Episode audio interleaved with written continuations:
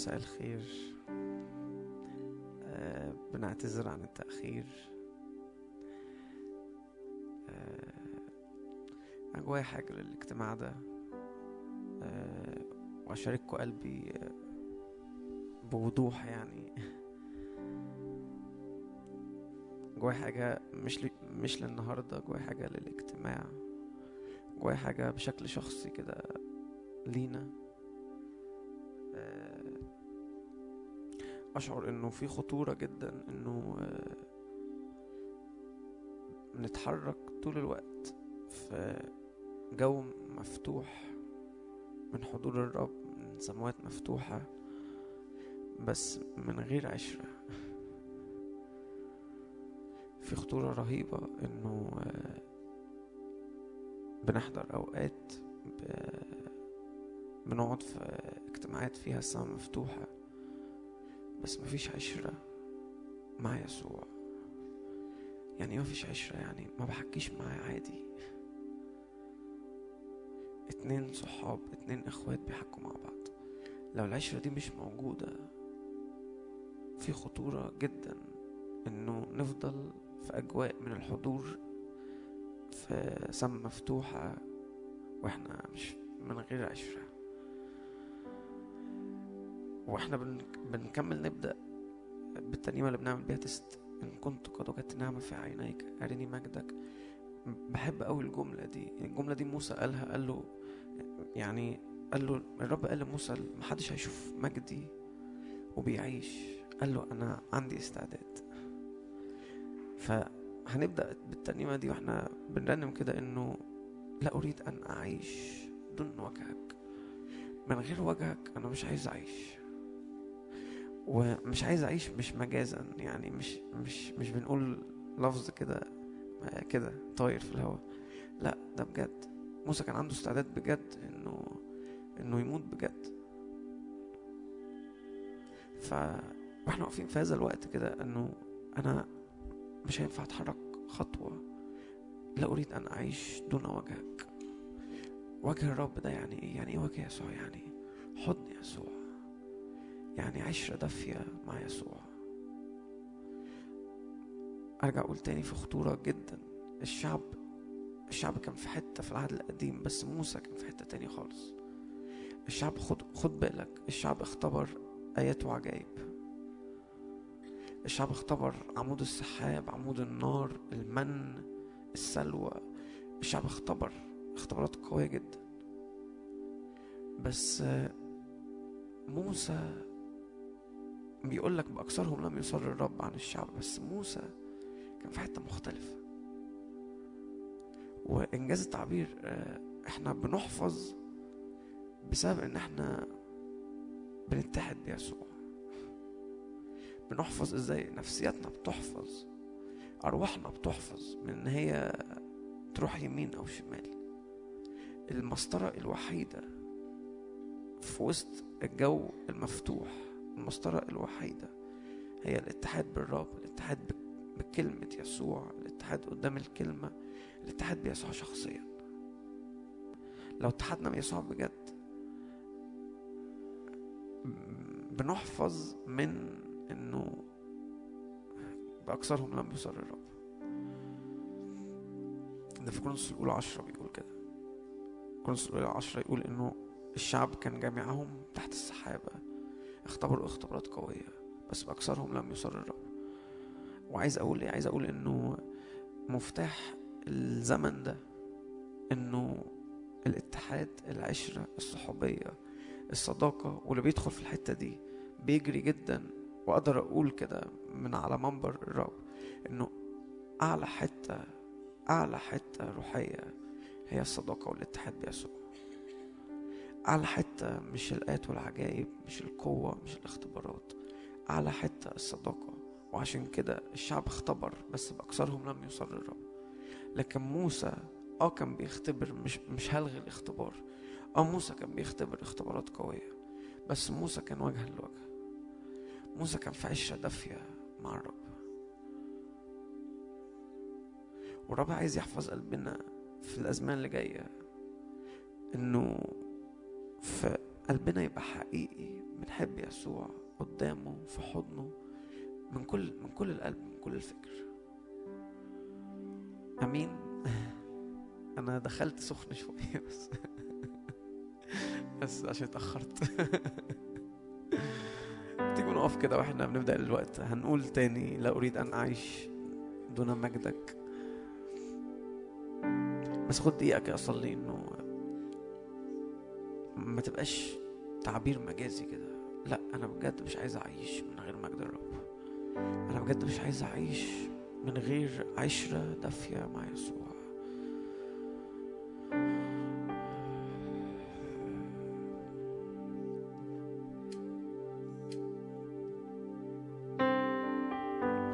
وأذكرك كنيسة كورنثوس.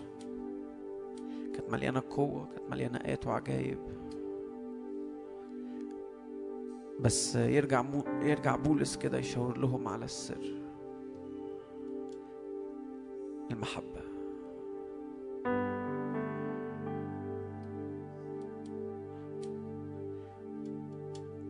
واللي عكس كنيسة كورنثوس تماما. هو يوحنا الحبيب اللي كان في حضن يسوع.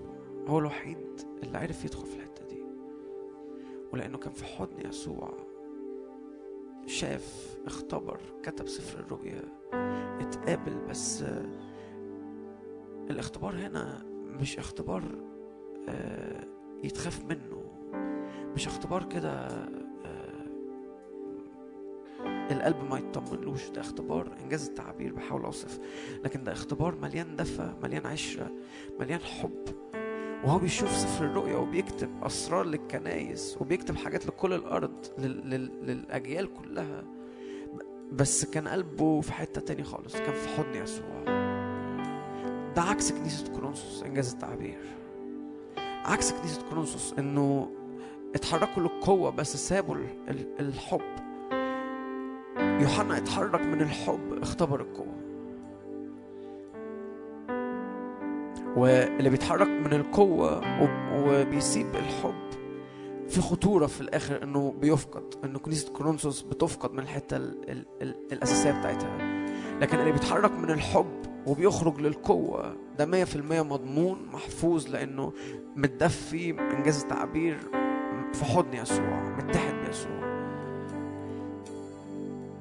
فتعالوا ك وإحنا بنقول تاني لا أريد أن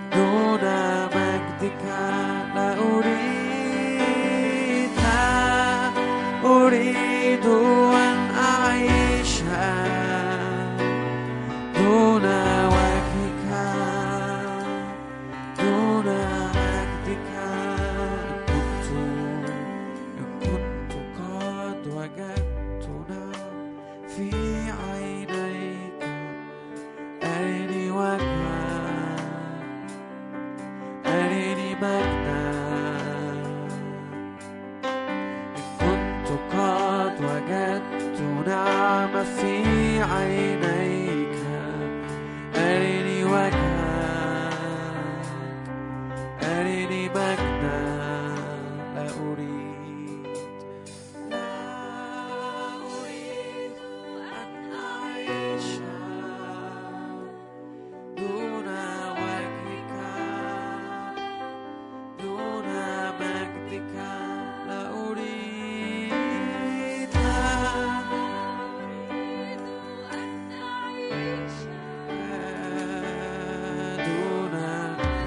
الاختبار مش بيضمن الاتحاد لكن الاتحاد بيضمن اختبارات.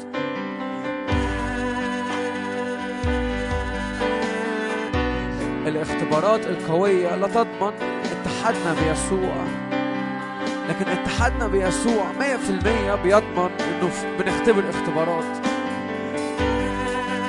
بس هدفنا كله أنا عايز اتحد بيسوع. أنا عايز أبقى شبهه. أنا عايز أبقى في حضنه.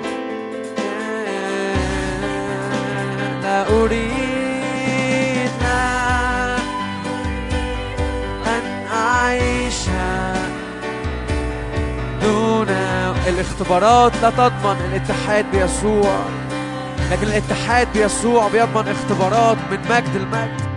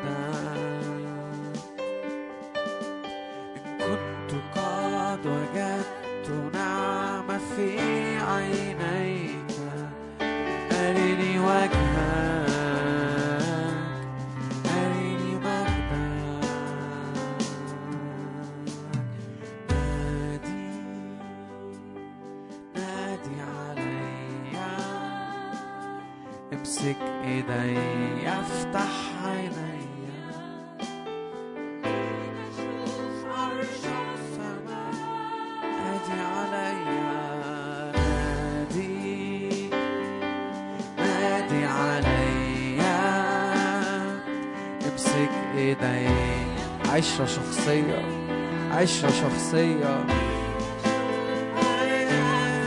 نادي عليا نادي نادي عليا. امسك إيدي افتح عينيا خلينا أشوف عرشك سماء نادي عليا نادي نادي. الرب قال لموسى ما حدش بيشوف مجدي ويعيش. موسى قال له أنا مستعد.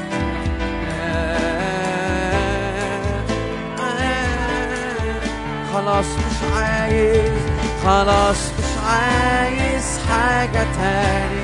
هو ده مكاني. قدام عرشك في حضورك خلاص مش عايز ده أماني وأنا ساجد مبهور بنورك قربني ليك الهب قلبي بيك اسمي نفسي فيك. خليني هنا على طول معاك. قربني بيك اسمي نفسي فيك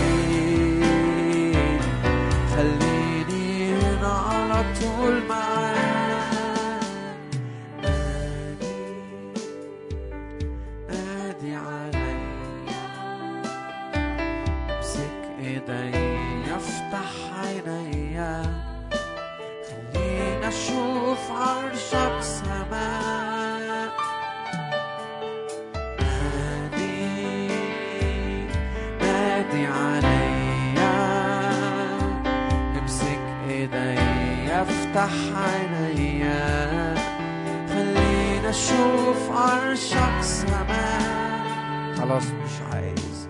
خلاص مش عايز حاجة تاني. هو ده مكاني. قدام عرشك في حضورك.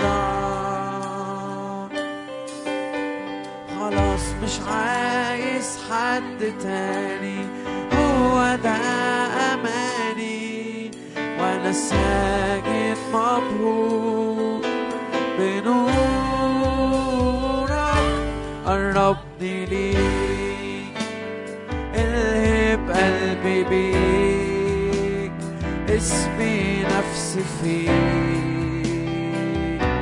خليني هنا على طول معاك. قربني ليك.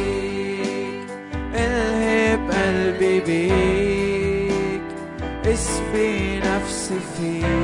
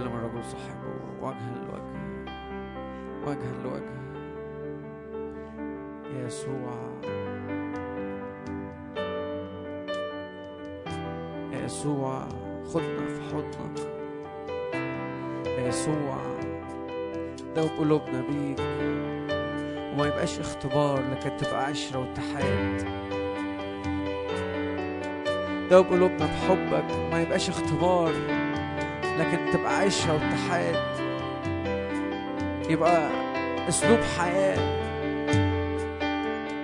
عمالين نحبك وندوب في حبك ونحكي معاك طول اليوم يسوع في الشارع في العربية كده نحكي معاك كأنك قاعد جنبنا في المواصلات بنحكي معاك كأنك قاعد جنبنا. أعرف حد بيحط الموبايل على ودنه عشان الناس ما تقولش عليه مجنون عشان بيحكي مع يسوع. بيحكي معاه لأنه صاحبه لأنه صديقه. أحبائي أقول لك إنه النبوة بتطلق على حياتك بسبب الاتحاد والعشرة والحب. المسحة بتطلق على حياتك بسبب العشرة والحب. الإطلاق والآيات والعجائب والاستخدام والدعوة. بتطلق نتيجة الاتحاد والعشرة والحب. لو اتحدت بيسوع مش هتعرف تتنبأ يعني. ده النبوة هتخرج بسهولة جدا. مش هتسعى ليها. مش هتسعى إنه إنه يخرج منك آيات وعجائب مش هتسعى إنه تحط إيديك على الناس فيخفوا مش هتسعى لأنه أنت وملء اللاهوت هتبقى واحد. أنت ويسوع هتبقى واحد. تعالوا نردد يسوع كده. يسوع. يسوع يسوع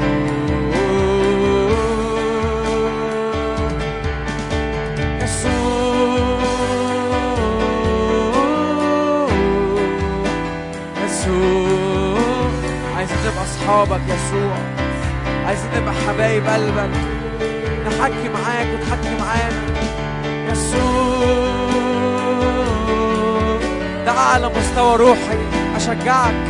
ده اعلى مستوى روحي.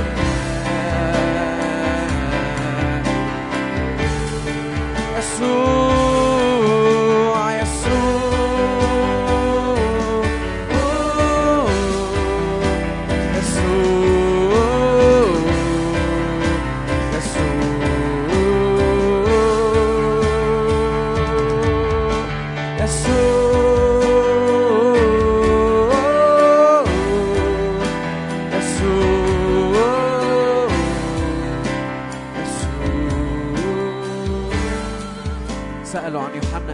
المعمدان بيقولوا إنه هو ده نبي. يسوع بنفسه شهد عنه قال ده أعظم من نبي. لأنه كان اسمه كده صديق العريس. في مستوى أعلى من فكرة بس نتنبأ من فكرة بس جو مفتوح جو نبوي جو روحي. في في مستوى أعلى صديق العريس. ويسوع بنفسه اللي شهد عن يوحنا المعمدان إنه أعظم من نبي لأنه كان صديق العريس. أنا بصلي ندخل في الحب الإلهي باسم الرب يسوع. ندخل في موجة الحب الإلهي.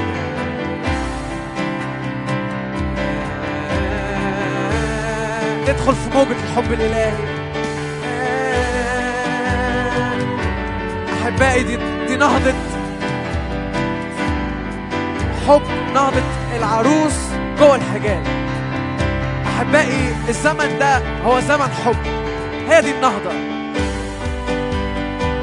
أتاري مررت بيك رأيتك زمانك زمن الحب. دي هي النهضة.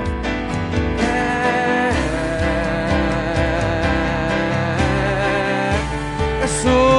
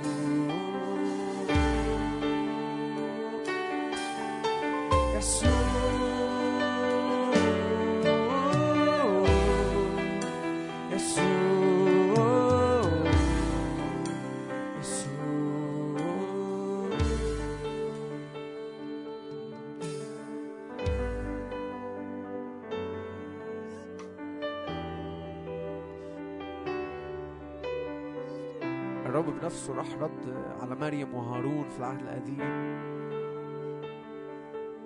قال لهم آه، إن كنت بأستعلن ليكم برؤى بحلم بألغاز لكن موسى حبيب قلبي ده في حتة تاني خالص.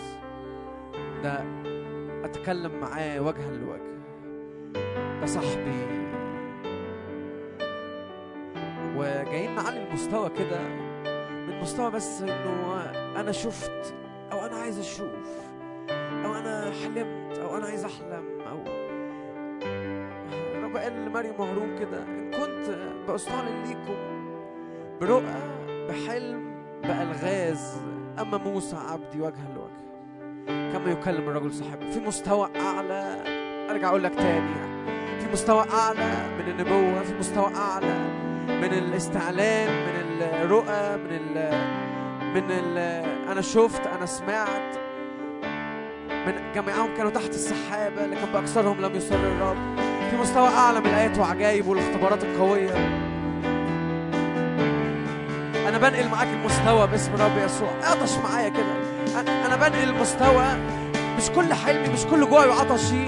إنه أشوف وإنه أسمع وإنه أختبر اختبارات قوية. مش كل حلمي كده إنه احضر اجتماعات كده السماء مفتوحه والآيات والعجائب موجودة. لا باسم الرب يسوع. حلمي إن أنا ويسوع نبقى واحد. حلمي إنه أنا ويسوع نحكي مع بعض في الشارع. صحاب بيتكلموا إخوات بيتكلموا عروس وعريس.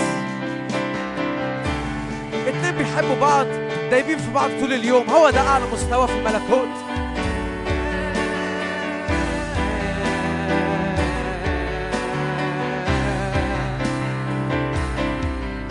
وأشجعك ده وقت خاص كده إنه يسوع ينقلنا للحتة دي. يسوع يحملنا للحتة دي. باسم رب يسوع.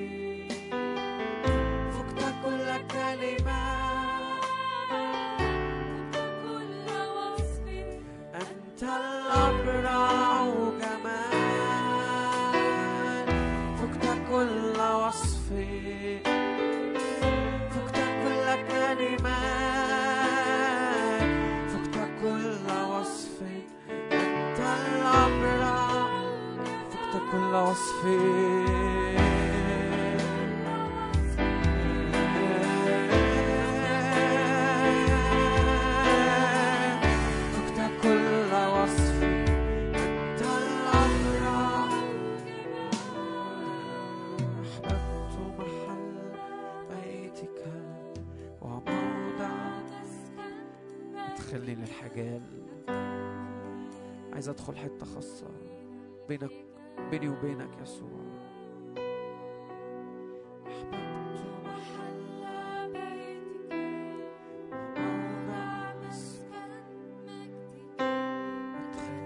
يوحنا الحبيب محدش قال له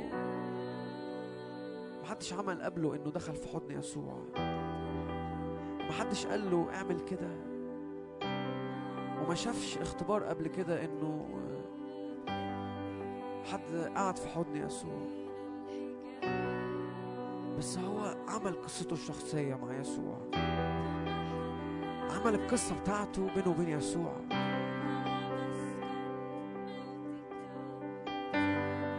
موسى ما كانش في حد قبله. اتقابل وجها لوجه مع الرب. بس موسى كتب القصة بتاعته.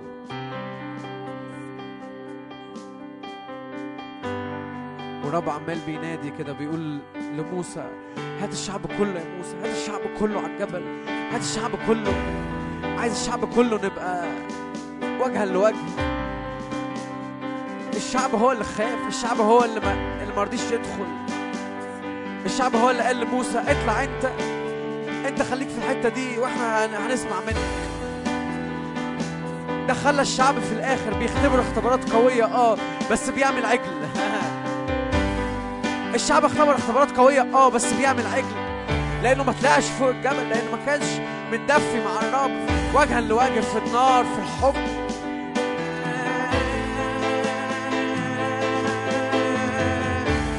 وفي الآخر كان تقرير يسوع في كورنثوس الأولى عشرة بأكثرهم لم يصر الرب. كان بيحكي عن الشعب. بأكثرهم لم يصر الرب.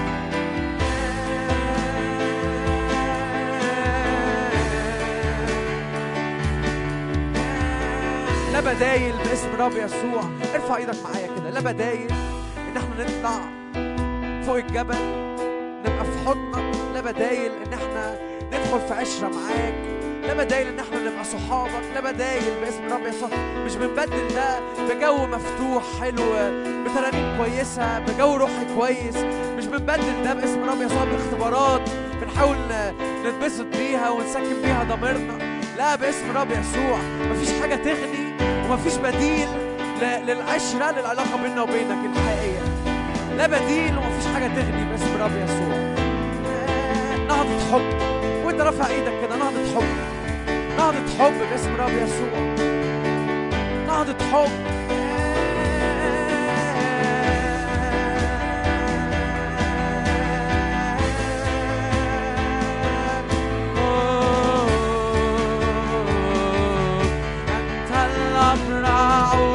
hasta con la voz.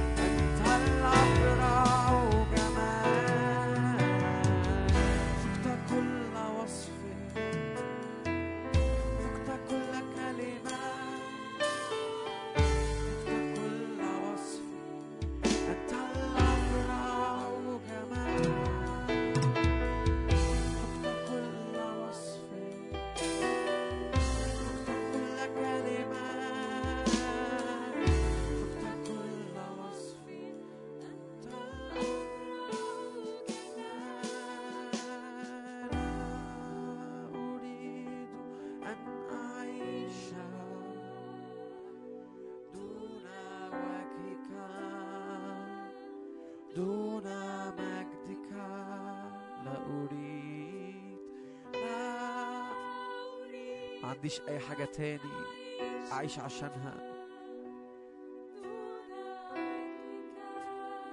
غير إنه أنا وأنت بس نبقى أصحاب يسوع لا أريد لا أريد أن أعيش دون وجهك مش تعبير مجازي مش تعبير مجازي كده إنه أنا لا أريد أن أعيش. ده بجد أنا لا أريد أن أعيش. لو وجهك مش بيستعلن قدامي لو مش بتاخدني في حضنك كل يوم تطبطب عليا. لو مش بتقبلني بقبلات فمك أريد من غير ما أدخل في عشرة معاك مش عايز أعيش يسوع. مش عايز حاجة من الحياة أنت الحياة يسوع. مجدك هو الحياة. حبك هو الحياة. حضنك هو الحياة.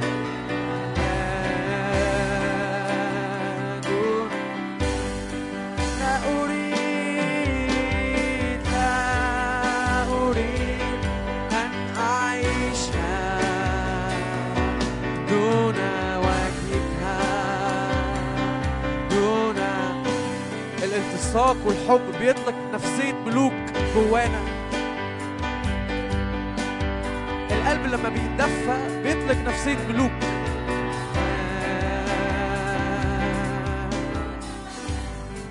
تقول لي جبتها منين؟ إنه القلب لما بيشبع وبيتدفى بيطلع نفسية ملوك أقول لك في روميا بيقول لك الذين ينالون فضل النعمة وعطية البر. الاثنين دول فضل النعمة وعطية البر يعني يعني حب مجاني يعني قبول مجاني يعني بر مجاني يعني مجانا حب يسوع. يقول لك بعديها سيملكون في هذه الحياة. الذين ينالون فيض النعمة عطية البر يملكون في هذه الحياة.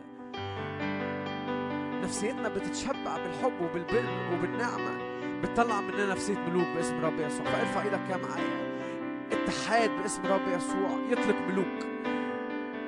حسقيال كده لما بيقول مررت بيك رأيتك زمانك زمن الحب بعدها قال لها صرتي كملتي جدا صرتي صرتي تصلحين لمملكة.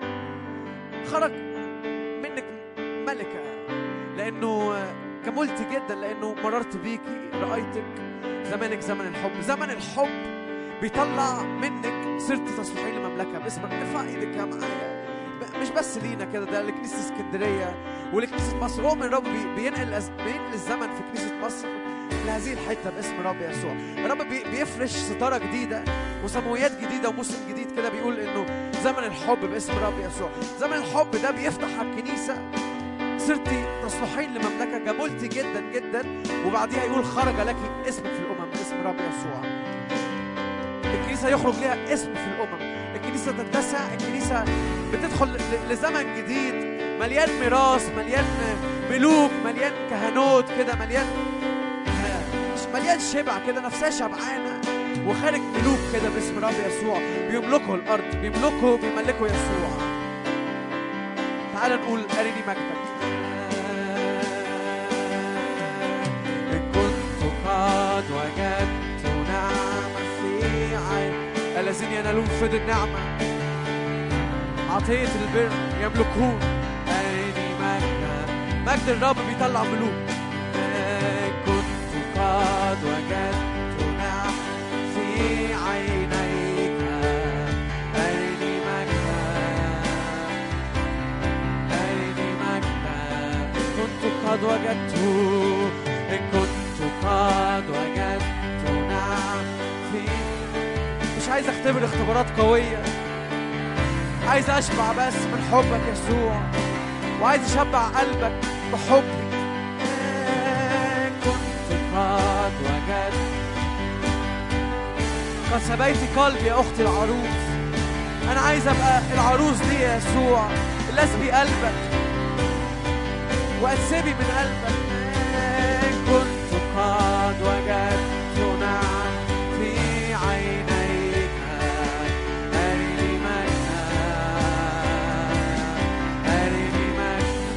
قد وجدت إن كنت قد وجدت نعم في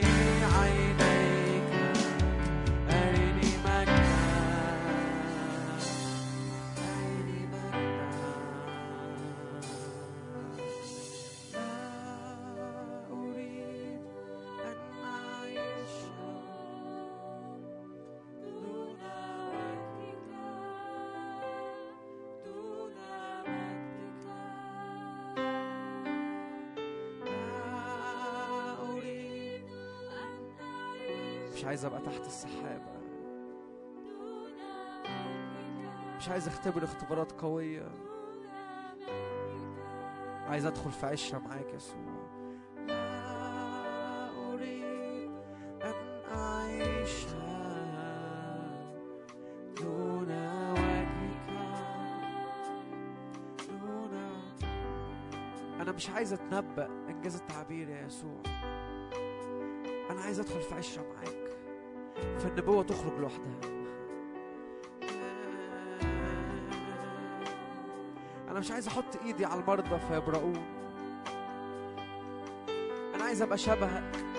ولو بقيت شبهك كده كده هحط إيدي على المرضى فيبرؤون بس ده هيبقى جزء صغير قوي من كل المجد اللي أنت بتمتعني بيه. من كل الحب اللي أنت مغرقني فيه.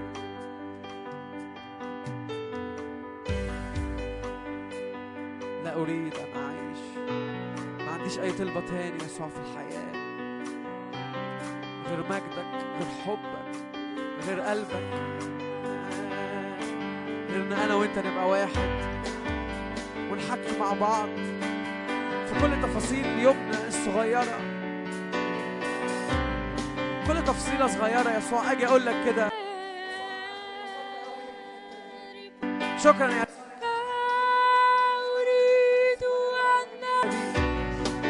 حاجة ضايقتني. يسوع أنا اتضايقت من ده. تعالى طبطب عليا. تعالى خدني في حضنك.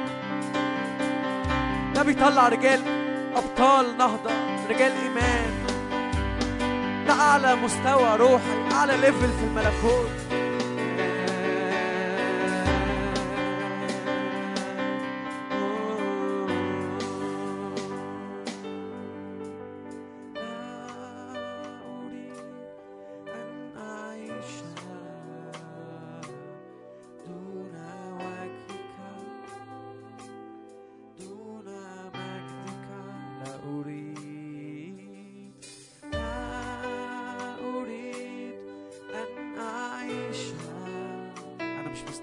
حاجة تاني.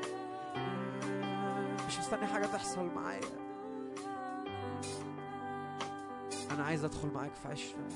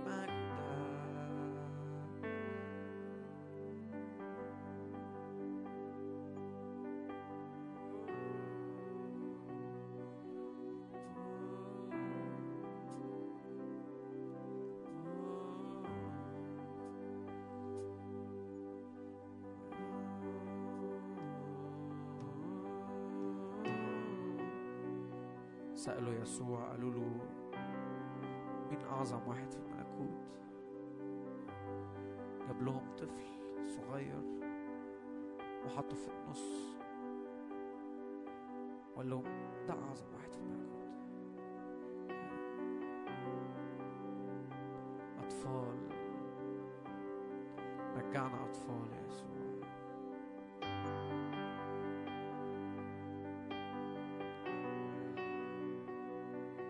رجل الرب أبونا متى المسكين.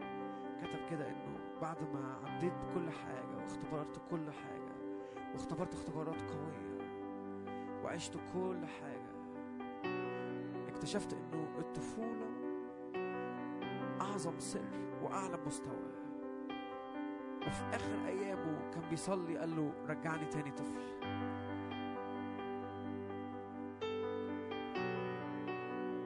يسوع رجعنا أطفال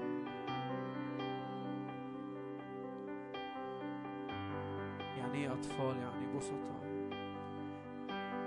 يعني بيحكوا عادي مش بيحكوا كده مكلكعين الصلاة مش مكلكعين الصلاة مش مكلكعين الحكاوي لا بيحكوا عادي بيعيطوا عادي بي- بيفرحوا عادي تلقائيين جدا مع مع أبوهم رجعنا أطفال يا يسوع. رجعنا أطفال.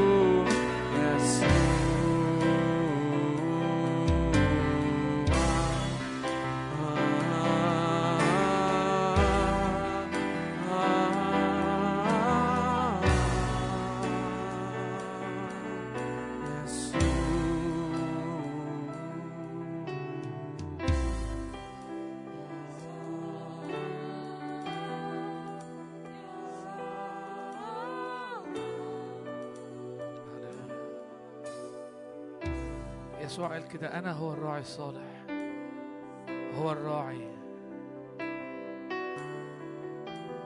لكن نفس يسوع قال عن نفسه الراعي قال للمرأة كده من يشرب من هذا الماء يعطش أيضا. أنا عايز أقودك لمراعي تانية ولمياه تانية. والرب جه عشان يقودنا لمراعي جديدة ولمياه جديدة.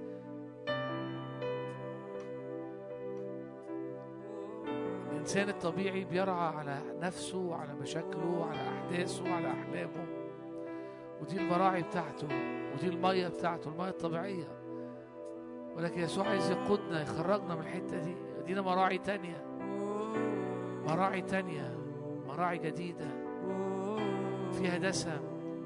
فيها مية تانية. يسوع هو المرعى. يسوع هو المية. يسوع عايزنا نخرج. قال كده هوت.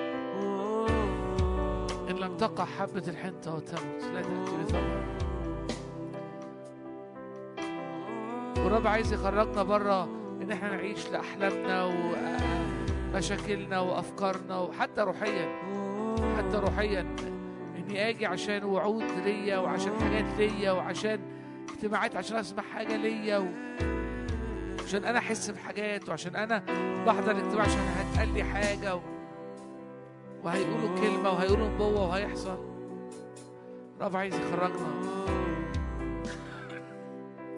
عايز ياخدنا الحتة ولم يروا إلا يسوع وحده. حتة عينينا اللي تتملي بيه ونحبه. قال لها الحاجة إلى واحد. الحاجة إلى واحد. يقول الكتاب إنه فيه كل الكفاية. خرجنا يا رب. خرجنا من كل محدودية وكل نظرة لحياتنا ولنفسنا. يا رب نتبعك. عايزين عينينا يا رب عليك. اسبي قلبي. امتلك قلبي. فلا أرى إلا يسوع وحده.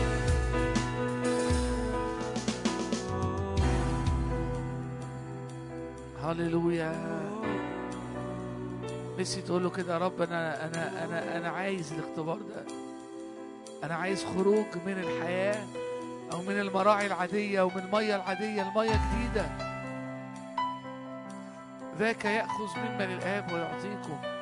ذاك يمجدني. ويقول يا رب أنا عايز أحبك وعايز أعرفك وعايز تتلقلق في عينيا. وعايز أعيش ليك وعايز أعيش بيك. أنا هو الباب أنا هو الطريق أنا هو الحق. يا رب عايزين نعيش ليك عايزين نبقى شعب جعان وعطشان ليك. المسيح فيكم رجاء المجد رجاء المجد. يا رب تسيب كل حاجة شغلانة وكل حاجة بنلف حواليها ونتبعك. قال له ها نحن قد تركنا كل شيء وتبعناك يا رب وتبعناك.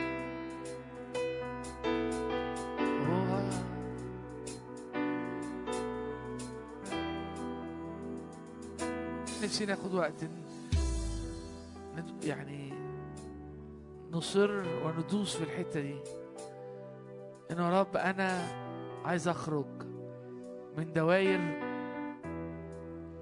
أحلامي وأفكاري ومشاعري وظروفي واهتماماتي و...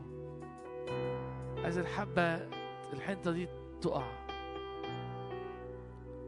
وعايز أسبى فيك وعايز أتبعك بكل قلبي وتمتلك قلبي تمتلك حياتي تمتلك أحلامي. اشبعني بيك يا رب اشبعني بيك.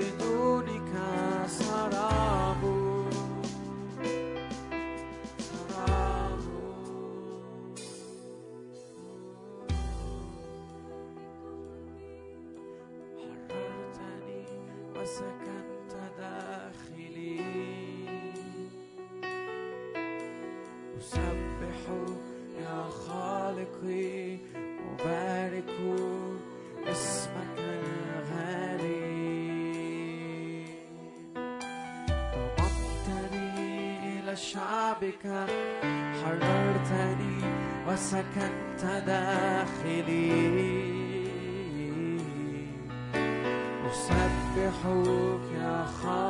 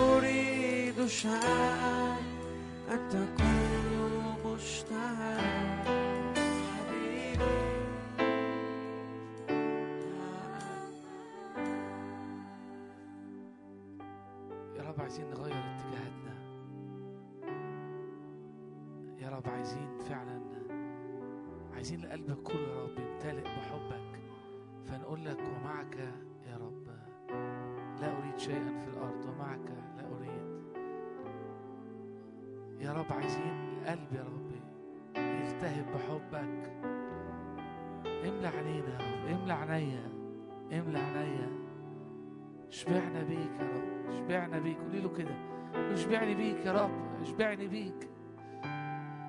املى عينيا املى وقتي املى أفكاري. أنت أنت يا رب أنت وحدك. أوه.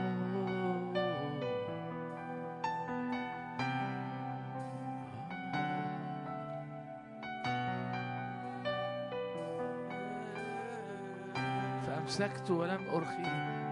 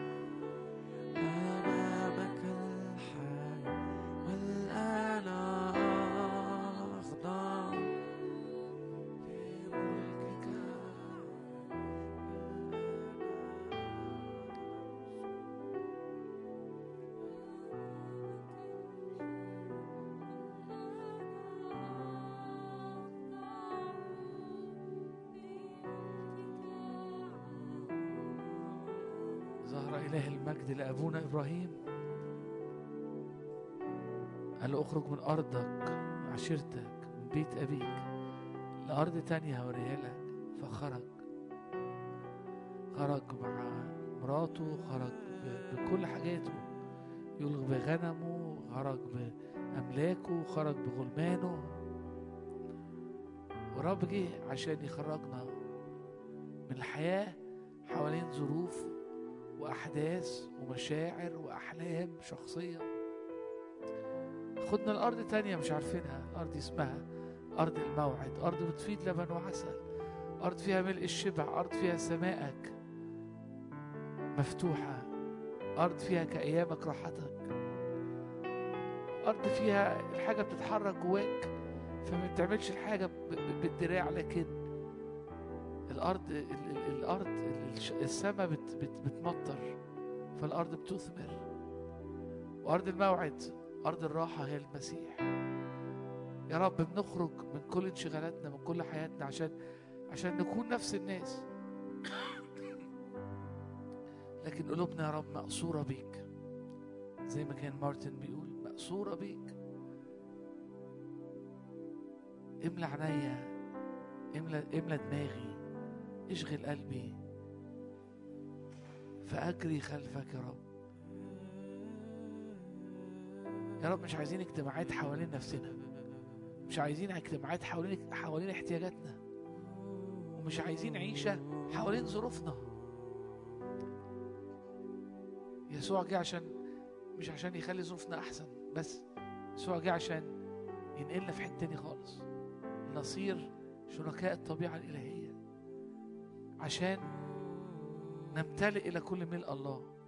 عشان ونحن جميعا ناظرين مجد بوجه مكشوف نتغير إلى تلك الصورة عينها عشان لما نطلب ملكوت ونرى الملكوت ونرى المجد كل حاجة تانية تكمل تزاد. بطرس قال له ها نحن قد تركنا كل شيء وتبعناك ليه؟ عشان شافوا مجده وعشان هي هذه هي الحياة. أخرج من أرضك من عشيرتك من الحياة الطبيعية من انشغالاتك الطبيعية. إلى أرض أنا هوريها لك والرب يدعونا كل يوم كل يوم الصبح يقول لك أخرج من أرضك. أخرج وأنت صاحي الصبح أخرج. يعني ما تفكرش يعني فكر فيا. اعبدني طول اليوم طول الطريق. وأنت بتودي عيال مدرسة وأنت بت بت بت بتو- بت بتطبخي. وأنت وأنت نازل بتخلص حاجة في الحكومية. خليني أنا العريس خليني أنا أنا زي ما مارتن مارتن قالها كلها. خليني أنا خليني أنا. نفسي تعلقت بك أنت يسوع ال...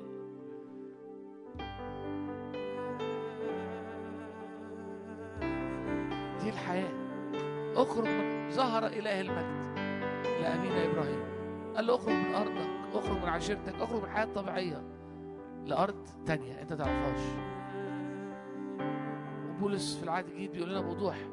أرض الموعد أرض الراحة السبت ويسوع. دخول إلى أرض الموعد دخول إلى الراحة الدخول إلى يسوع. دخول إلى يسوع. مش كده قال للمرأة من يشرب من هذا الماء يعطش. خليني عيشي على المية اللي أنا بديها لك. عيشي على حياة فيها له جيلية حاسس إن مش صدفة. حاسس إنه يعني روح يعني الرسالة بتاعت مارتن الروح هو بيقودنا الحضور. في شارع لو ما دخلناهوش مش بنوصل. الشارع ده هو يسوع أنا هو الطريق. بمعنى مش الشارع هو يسوع يعني عشان نكون مسيحيين. الشارع هو يسوع يعني عشان يكون يسوع هو الكل في الكل. ساعتها في المكان ده إحنا بنوصل. إله غيور. عريس للنفس. من له العروس هو العريس. مفيش شركة.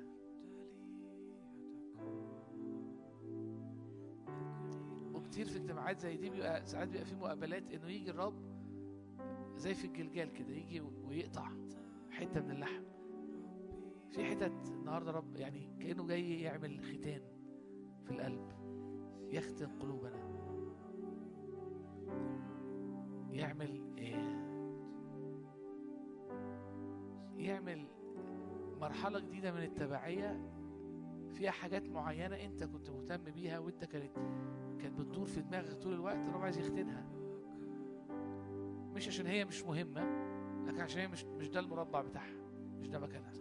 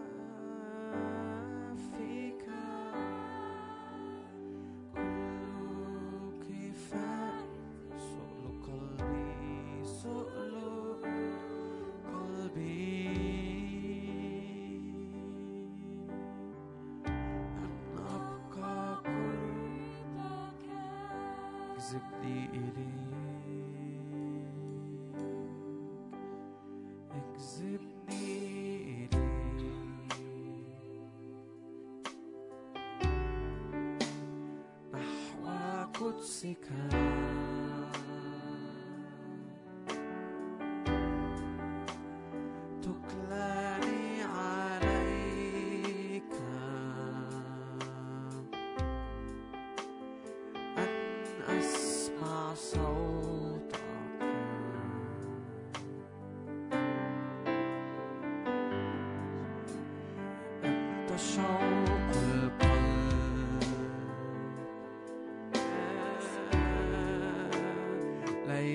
Israel.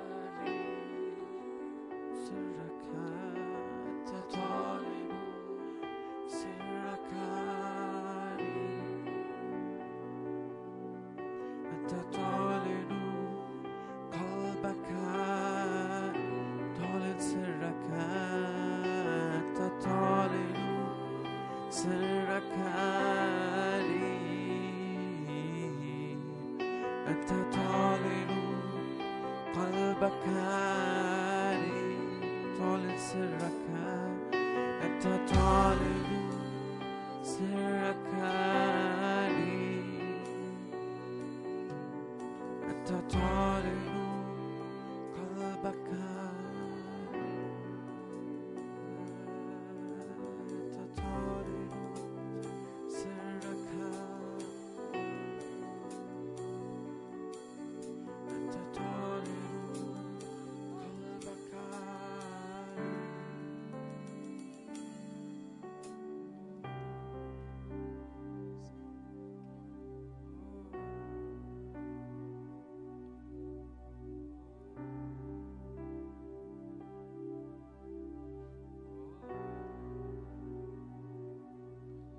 قال له يا سيد ها نحن قد تركنا كل شيء وتبعناك يا رب ادينا ده ادينا ده ادينا ده يا رب. خروج خروج يا رب وراك.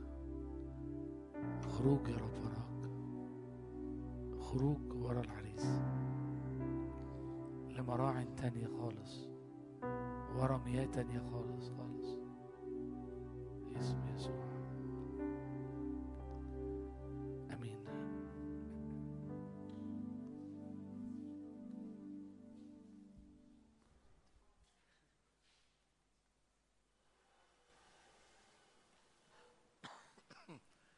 مساء الخير يا جماعة. عاملين إيه؟ حلوين؟ كويسين؟ عندي تعليق صغير بس وبعد كده عندي حد مهم عايز أقدمه ونبتدي ال- الخدمة يعني.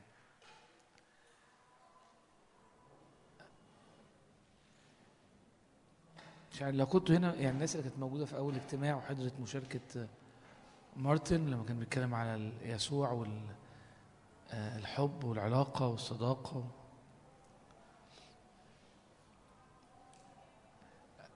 ده ده شاغلني قوي للاجتماع يعني اللي كان موجود ال- الاجتماع مش اللي فات اللي قبليه لما اتكلمنا عن المجد وتبعية المجد والخروج ورا الرب خروج ورا المجد ورا إله المجد آه إبراهيم. إحنا كل يوم مدعوين للخروج ده.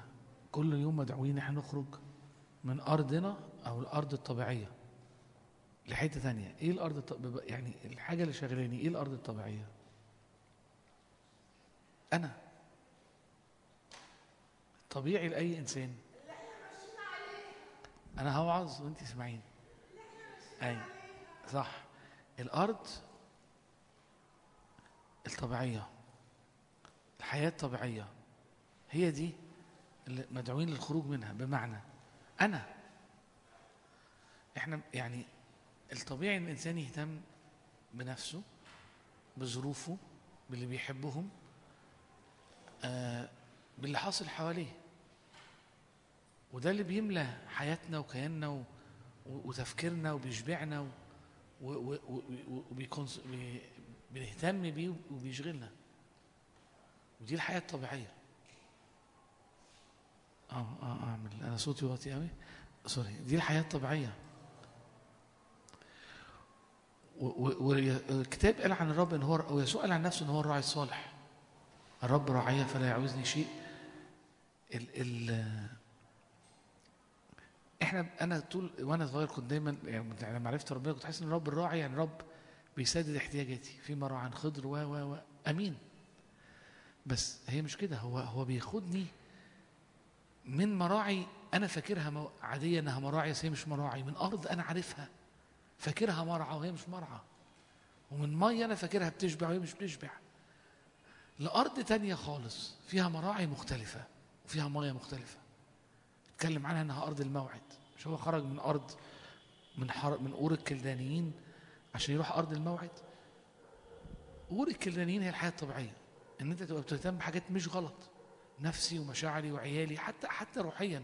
عرفت ربنا فارق معايا دعوتي ورؤيتي والاجتماع وبروح الاجتماع عشان الراجل ده بيمزجني المرنم ده وعشان الواعظ ده أصله لما بيجي يصلي بيقول كلمات نبوية فهروح عشان عايز كلمة. و... و... طب و... وانت طول الوقت وتخش الاجتماع بتركز على الحتة اللي, عاي... اللي عايز ربنا يكلمك فيها عشان انت مشغول بحاجة فلانية. ولو خرجت من الاجتماع ورب ما كلمكش على الحتة اللي انت كنت عايز عندك فيها مشكلة. بتطلع حاسس إنك محبط لأن رب ما كلمنيش في الحتة اللي أنا عايزها. ففي الحقيقة أنا في نفس الأرض حتى وأنا في اجتماعات روحية أنا في نفس الأرض القديمة اللي هي أنا. اللي هي الحياة الطبيعية. ويسوع جه عشان يخرجني من كراعي يخرجني من أرض أو ظهر أو تلألأ عشان يخرج إبراهيم من أرض الطبيعية اللي هي الحياة اللي حوالين نفسي. لأرض تانية حياها حوالين الرب وإعلانه ومجده وجماله ولقلقته ويقول لك إن في أرض الموعد دي في شبع وفي مية وفي راحة وفي حاجة بتشتغل طبيعة الأرض مختلفة. ففيها يعني حاجات من السماء بتنزل والأرض بتطلع بقوة حاجات تانية. والدنيا مختلفة خالص عن الأرض القديمة. عشان كده قال يسوع قال عن نفسه وقال للتلاميذ نفس الحاجة اتكلم على الصليب. لم تقع حبة الحنطة وتمت مش هتجيب ثمر إحنا كتير بنحس مش هتجيب ثمر يعني مش تخدم. لا مش هتجيب ثمر يعني حياتها هتبقى ميتة. لأنه الح... ليه؟ لأنه عشان تجيب ثمر عشان تطلع وتبقى حاجة كبيرة و... لازم تبقى, تبقى تعيش عيشة مختلفة تعيش عيشة مختلفة خالص. لازم تخرج من أرض وتروح أرض تانية. فده ده اللي شاغلني. وده اللي, اللي فرق معايا ان ان إن مارتن اتكلم فيه النهارده.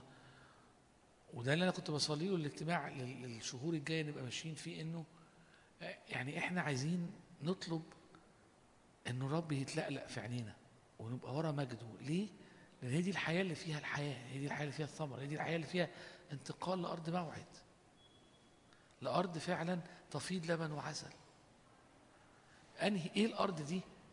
يسوع ويملى العينين الكلمة تملى حياتي مش عشان تجاوب على أمور جوايا لكن عشان عارف إنه عشان تربطني بالعريس. يحصل التصاق ويبقى كل يوم في كل حاجة في التصاق العيشة دي في أرض تانية خالص. يعني ممكن واحد يبقى عايش في, في السويد واحد عايش في, في الهند. العيشة في السويد مختلفة عن العيشة الهند. الجو في السويد مختلف عن دي أرض ودي أرض. نفس الحاجة دي أرض. أرض الأرض اللي خرج منها إبرام دي أرض. والأرض التانية اللي رايحة أرض تانية خالص. أنت حتى وأنت مؤمن دي أرض. لما بتعيش أنا وأفكاري ومشاعري وعيالي ودنيتي هو ده اللي شاغلني مش حاسس حاسس إنه مش غلط. دي أرض. وإنك تخرج من الحتة دي وتجري ورا الرب هنحن ويبقى الرب هو العريس وهو وكل يوم عينيك على المجد وعايزه يتلألأ وعايز تشوفه وعايز وعايز وعايز وبتجري وراه وبتجري ورا الكلمة وهو ده الحياة. ودي حياة إحنا ما نعرفهاش. قال له الأرض أنت ما تعرفهاش. أنت بتقول إيه العيشة دي؟ أنا ما أعرفش العيشة دي. إيه العي... يعني العيشة تبقى عاملة إزاي؟ ما أعرفش العيشة دي اللي هي غريبة العيشة دي. قال له هوديك أرض أنت ما تعرفهاش. دي أرض إحنا ما نعرفهاش. إنك تعيش بيه وليه يبقى هو المفتاح هو الباب وهو الطريق وهو الهدف في الآخر. دي أرض إحنا ما نعرفهاش لكن دي أرض تفيض لبن وعسل. دي أرض المجد. فنفسي إن إحنا في دقيقة يعني نك... يعني نختم على اللي كان حاصل في وقت العبادة. إن نقول يا رب إحنا بن أنا سوري. نقول يا رب إحنا النهارده اختن قلوبنا لحياة أرض مختلفة يا رب. أنا عايز أعيش. عارفين في نشيد الأنشاد عايز عايز أخرج وراك يا رب. أخرج وراك في أثرك. أخرج يا رب للحقول يا رب. هناك يا رب في آه، آه، تبعية هناك في آه، انتمسي حميمية. أنا عايز أعيش العيشة دي يا رب. ها نحن قد تركنا كل شيء وتبعناك يا رب أنت رجاء المجد. عايزين نشوف المجد يا رب. عايزين نختبر المجد. عايزين كل حاجة في حياتنا يا رب تتغطس في مجدك. وعايزين نختبر أيام السماء على الأرض في أرض الموعد يا رب اللي إحنا ما كناش نعرفها. في اسم يسوع. لو أنت جاي النهارده لو أنت جاي النهارده ودماغك عمالة تور لأنه فعلا الظروف والأحداث والدنيا عندك فيها في دقيقة صلي معايا قول يا رب أنا بخرج من الأرض دي. أنا بخرج من الأرض دي. أنا بخرج منها ورايح أرض تانية.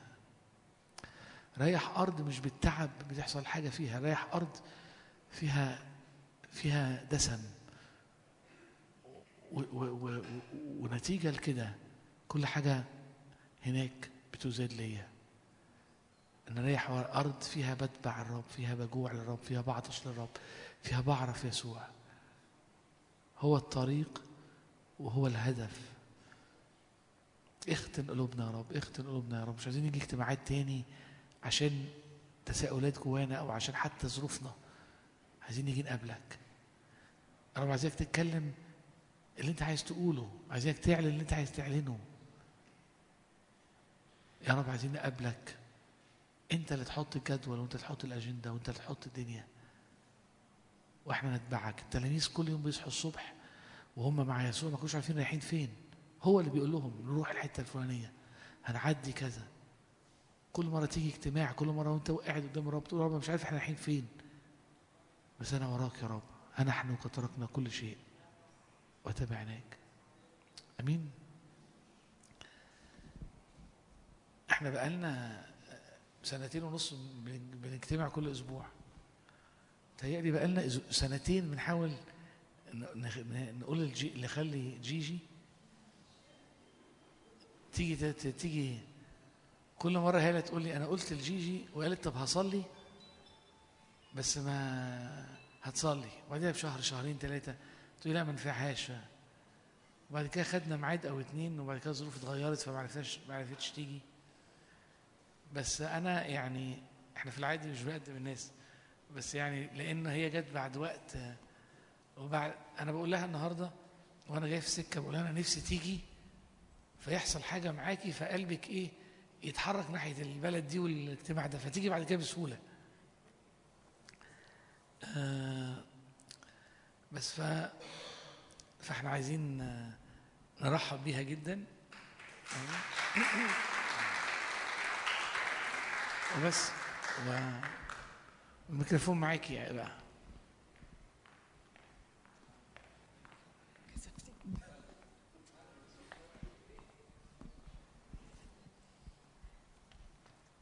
طيب أنا ليا الشرف إني أكون معاكم ومستحقش الكلام الكبير ده. لكن ليا الشرف كمان إنه أتكلم عن يسوع. ده حقيقي شرف أكبر و... ومسؤولية مسؤولية كبيرة. لأن كل ما بنتكلم على يسوع هو بيجي وبيجي في وسطينا فده ده يقلق.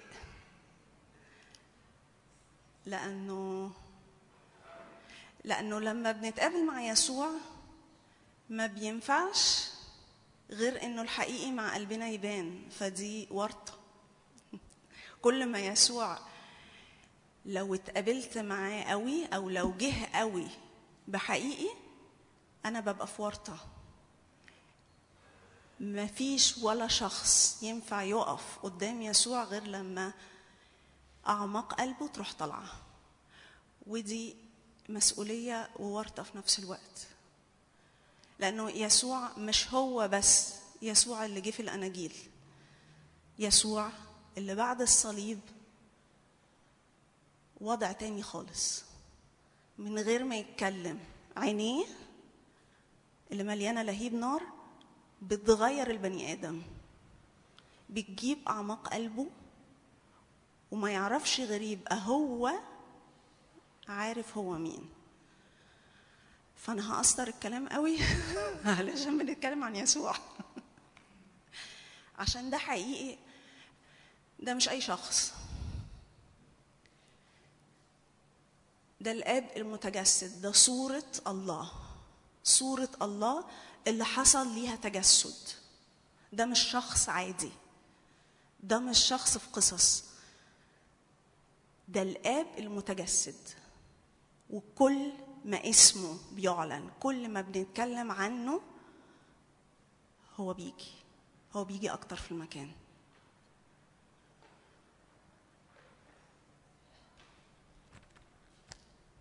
هتكلم في وقت قليل قوي بنقطتين صغيرين يعني بس كتير بتمنى أبقى في الوقت اللي جه فيه يسوع. آه، لأنه وقت آه، ما حصلش ما حصلش لا قبله ولا بعده. وقت فيه كان في حاجة اسمها كرة أرضية. طول الوقت هو براها. طول الوقت هو اللي خالق الكرة الأرضية لكن هو براها. هو روحه بيلف عليها. لكن في لحظة من التاريخ هو قرر يدخلها. كان نفسي أكون موجودة في اللحظة دي وأشوف يعني إيه الآب يعني إيه يسوع بيبتدي يظهر ودخل للعالم بتاعنا ده؟ أكيد مش حاجة عادية. أكيد مش قصة و و وعبرة كده وخلاص. ده لحظة في التاريخ لا حصل زيها ولا هيحصل. الفدا كله في لحظة دخل للأرض اتولد. اللي فيه قبل ما يسوع يولد وهو في بطن العذراء العذراء مريم في حاجة بتحصل لما العذراء دي بتقابل حد في حاجة بتحصل. فيسوع يسوع شغال من قبل ما يتولد. في لحظة في التاريخ في لحظة في الزمن قرر ينزل فيها الفدا كله. قرر ينزل ويختار إنه أنا هنزل في اللحظة دي الفارقة دي.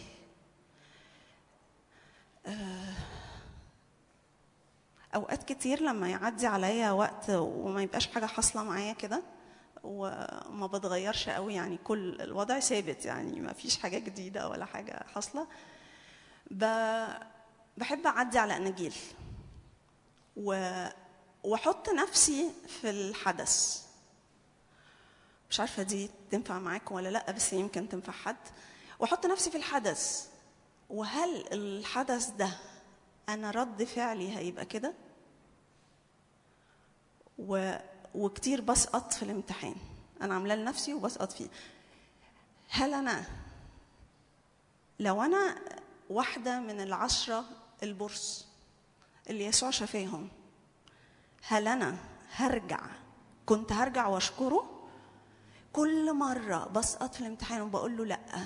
أنا هبقى من التسعة مش من الواحد اللي جه شكرك. أنا هجري وهنبسط بالشفاء اللي أخدته وهروح أكلم الناس عنك. أنا مش عارفة أبقى يعني أنا حاسه اني مش هبقى من زي الواحد اللي من العشرة ده. وأرجع وأقول له أيوه مسكت حتة يبقى أنا قلبي محتاج يتغير. يبقى أنا في حاجة هنا محتاجة لما أتقابل معاك أشعر بيك. وقلبي ما يبقاش قلبي يبقى متحرك تجاهك يبقى في حاجة لازم تتغير. وبلاقي لنفسي حاجة أشتغل عليها لما بيبقى في وقت ما فيش حاجة. في علاقتنا مع الرب لازم هنفضل طول الوقت في حاجة بتتغير لأن دي سكة. وأوقات كتير آه، أوقف نفسي طب هو أنا عمري هبقى زي زكا؟ قصة تضحك يعني ونقراها ونحس هنضحك كده. لا بجد فممكن حد منكم يرد أنا طويل فمش هعمل موقف زكا أكيد. لا حقيقي ممكن أحط نفسي قصاد الناس في في في الموقف ده وفجأة الإجابة لأ. غالبا لأ يعني. ولا أنا لو واقفة وموقف المشهد ال- ال- المرأة الزانية. طبعا برد جوايا. أكيد ارجموها ارجموها ارجموها. ردود أفعالنا بتبقى عاملة إزاي؟ وأحط نفسي في المشهد ده. قلبي محتاج يبقى حساس ليه؟ قلبي محتاج يبقى حساس ليه؟ وبسأل نفسي تاني لو أنا موجودة في التوقيت اللي جه يسوع كنت هشعر بيه ولا كنت هبقى يسوع جه و وما شعرتش. أكيد كان في ناس كتير في الوقت ده. في تلاميذ وفي ناس تانية. وفي ناس عمل يسوع عمل معاهم معجزات وخدوها ومشيوا. وفي جموع ما عملتش حاجة غير إنها اتفرجت. أنا هبقى مين فيهم؟ ويفضل ده طول الوقت. و... ونبقى حاسين يسوع قصة يسوع آه، قصة من اللي بنسمعها. وعايزة أقول لكم حقيقي بجد أسهل قوي الكلام عن مواضيع. أسهل قوي لما يطلب أنا يعني شادي ما اتكلمش معايا في حاجة يعني. الأسهل قوي إن الواحد يتكلم عن موضوع. أصعب قوي كلام عن يسوع نفسه. لأنه مهما اتكلمنا هو عالي قوي. هو مرتفع قوي. هو بيلمع جدا. هو كل ما بنتقابل معاه عن قرب ما بنعرفش نعمل حاجة. غير إنه بنسكت. زي يوحنا في سفر الرؤيا ما ما بيعملش حاجة بيسقط على وجهه.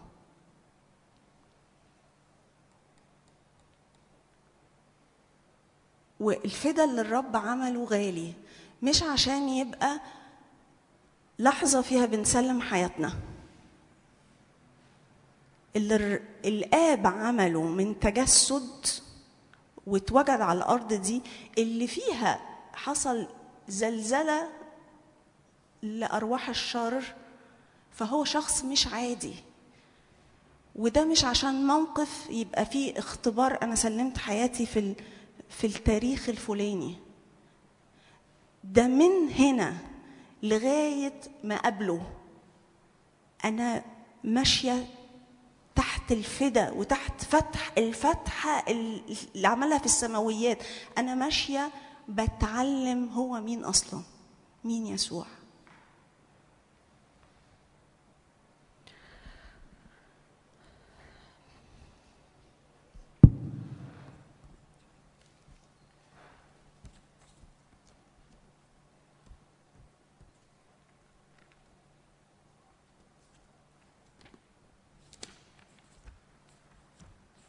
بدور على إيه.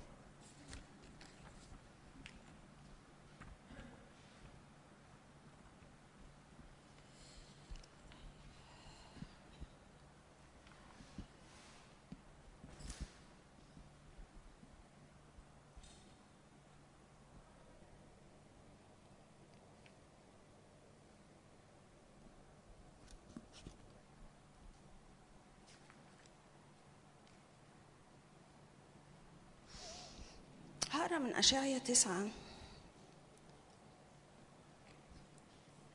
بس قبل ما أقرأ من أشعية تسعة كده عايزة أعدي على الصليب عايزة أعدي على موقف في الصليب.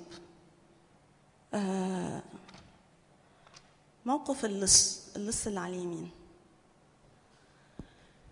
اللص اللي على اليمين ده بي بيقولوا في في الأناجيل في متى ومرقس يتقال كده إنه الجنود استهزأوا بيسوع ولو قدرت تخلص نفسك انزل من على الصليب. وبيتذكر كده في متى ومرقس إنه اللصين اللي على اليمين وعلى الشمال هم كمان استهزأوا بيه. ما يلا ورينا إذا كنت تقدر بيتقال عليك المخلص انزل من على الصليب. لكن في لوقا بيتقال حاجة تانية. بيتقال إنه اللص اللي على اليمين لما لقى ال- الجنود بيستهزئوا بيسوع وابتدى اللص على الشمال يستهزئ هو كمان بيسوع ويقول له لو لو انت مخلص انزل وخلص نفسك. ابتدى يقول له لا خلي بالك إحنا أذنبنا. هو لا هو ما أذنبش هو ما يستحقش العقاب. وابتدى أنا أنا مش عارفة إزاي. إزاي يعني إيه حد بيشوف يسوع في لحظة ضعف ويثق فيه؟ هو ما شافش يسوع في لحظة مجد.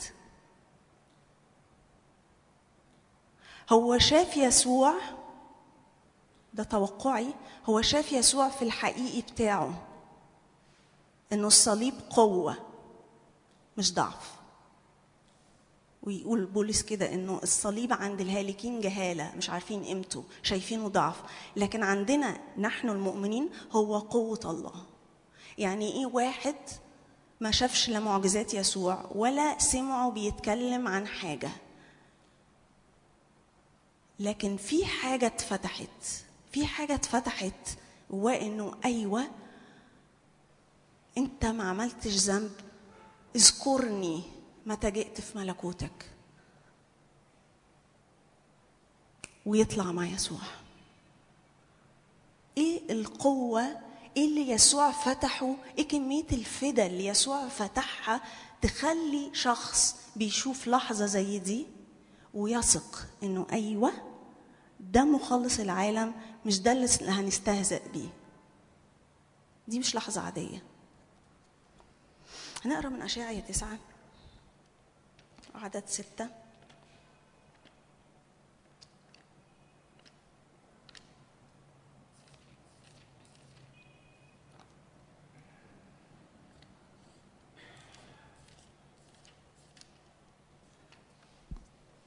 أسفة إني بطول في الحاجات.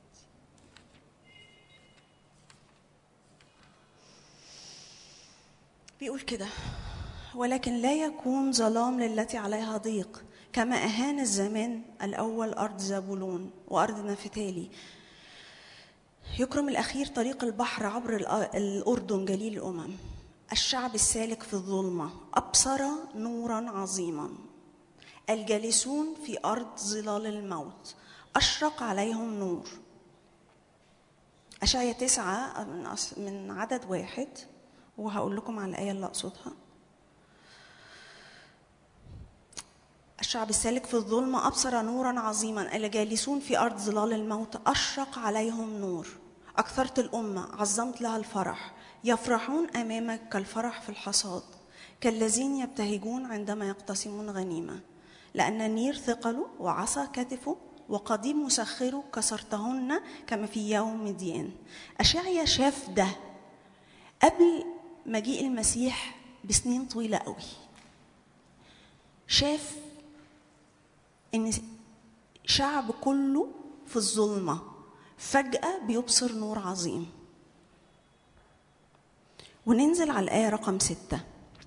لأنه يولد لنا ولد ونعطى ابنا وتكون الرياسه على كتفه ويدعى اسمه عجيبا مشيرا الها قديرا ابا ابديا رئيس السلام لنمو رياسته وللسلام لا نهاية.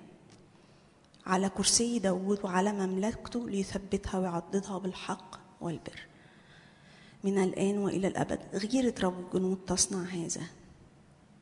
أشعيا من سنين طويلة قوي شاف يسوع في الحقيقي بتاعه. شاف يسوع مش اللي جينا عملنا له إطار هو الخلاص فقط أو الفدا فقط. شاف يسوع يولد لنا ولد ونعطى ابنا وتكون الرياسة على كتفه لأنه ده الله المتجسد ده ليه رياسة ده اسمه عجيب مشير إله قدير أب أبدي. اللي بيتجسد ده هو الآب نفسه. يسوع مش حاجة مختلفة. يسوع هو صورة الآب المتجسد اللي نزلت على الأرض.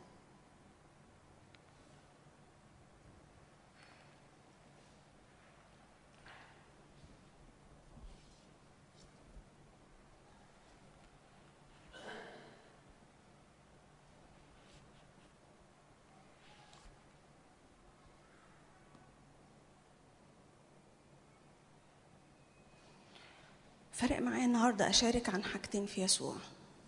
يسوع اللي مليان خلاص ومليان فدا لكن كمان يسوع الملك والسيد. دول وجهين في يسوع ما ينفعش أفصلهم عن بعض. ما ينفعش نفصلهم عن بعض. يسوع اللي مليان أبوة ويسوع الملك والسيد. لأن هو ملك الملوك ورب الأرباب. أي خلل في جانب منهم بيعمل مشكلة كبيرة قوي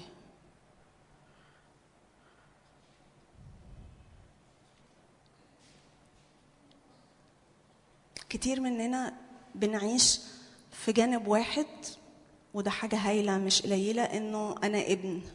ودي حاجة بتاخد مشوار. أنا ابن للرب. فأنا عايش تحت ظله مستمتع بالفدا والخلاص بتاعه. عايش على اللبن العقلي. لأنه الابن فقط إن أنا أعيش في البنوة فقط اللي فيها بستقبل فقط حبه مع إنه ده مغير. بس أنا عايز بس أخد ليا اطمئنان وأخد ليا محبة. ده ده الأساس. لكن لو أنا قفلت إن أنا أشوف يسوع الملك ويسوع السيد أنا شلت جانب كبير من شخصية يسوع لأن هو ملك. دايما بحطها كده ليا أنا إنه الابن دي هوية. دي الهوية بتاعتي. دي الهوية لما بعرف الرب أنا ببقى ابن وعلاقة علاقة شخصية ما بيني وما بين الرب. بنمو فيها وبتغير وقلبي بيتغير. لكن اختياري بيبقى اختيار ليا إن أنا أشوف الرب سيد وملك. أنا اللي بختار ده وبختاره وبمشي في تبعية لكده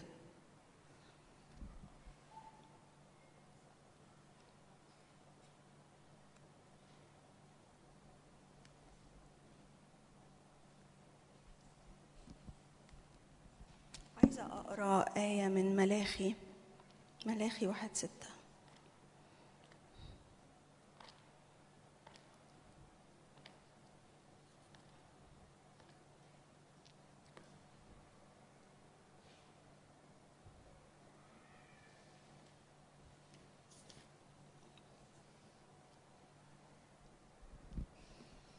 بيقول كده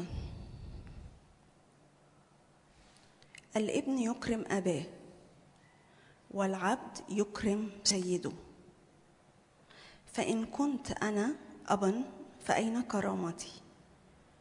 وإن كنت سيدا فأين هيبتي؟ قال لكم رب الجنود فإن كنت أنا أبا فأين كرامتي؟ وإن كنت سيدا فأين هيبتي؟ ويجي في حتة تانية والرب يعني يعجبني الكلام اللي رب يقوله بنفسه.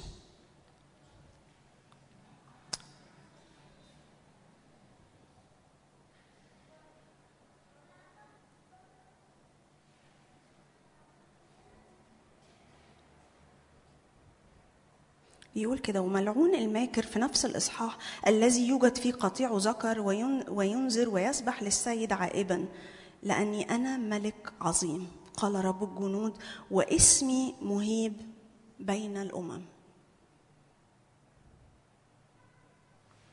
ده مش حد بيتكلم عن الرب ده هو بيتكلم عن نفسه. أنا ملك عظيم قال رب الجنود واسمي مهيب بين الأمم.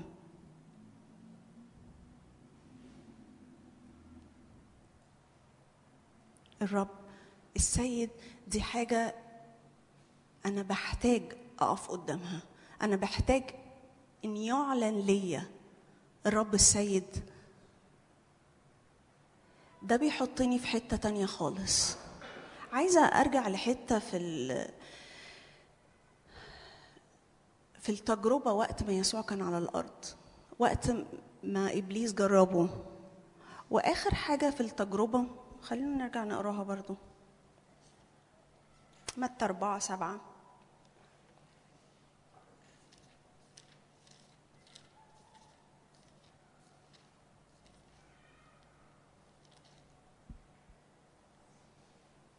لما يسوع بعد الأربعين يوم كان صايم ابتدى يطلع ابتدى إبليس يجربه. و... ويجي في آخر التجربة الثالثه يحصل كده.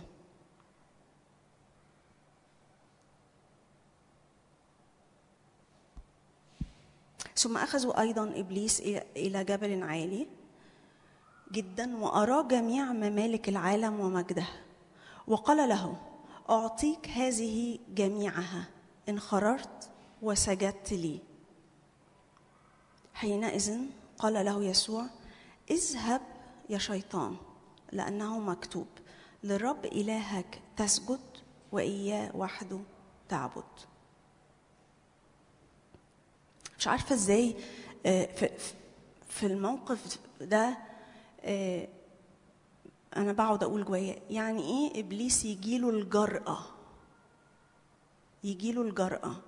هو كذاب سارق لكن هو تجرأ لدرجة الفجور.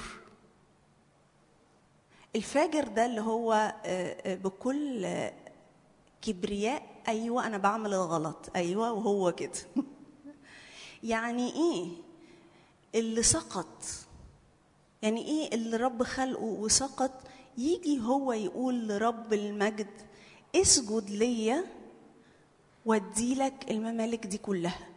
في الوقت ده لما طلع على الجبل فعلا كانت الممالك تساوي العالم كله. الممالك اللي حوالين آه، أورشليم في الوقت ده كانت بتمثل الممالك الحقيقية بتمثل مملكة بابل مملكة فارس الممالك اللي طلع منها العالم كله. هو هو كان بيقول له الحقيقي الممالك العالم ومجدها. فعلا كل اللي حواليهم كان ممالك العالم.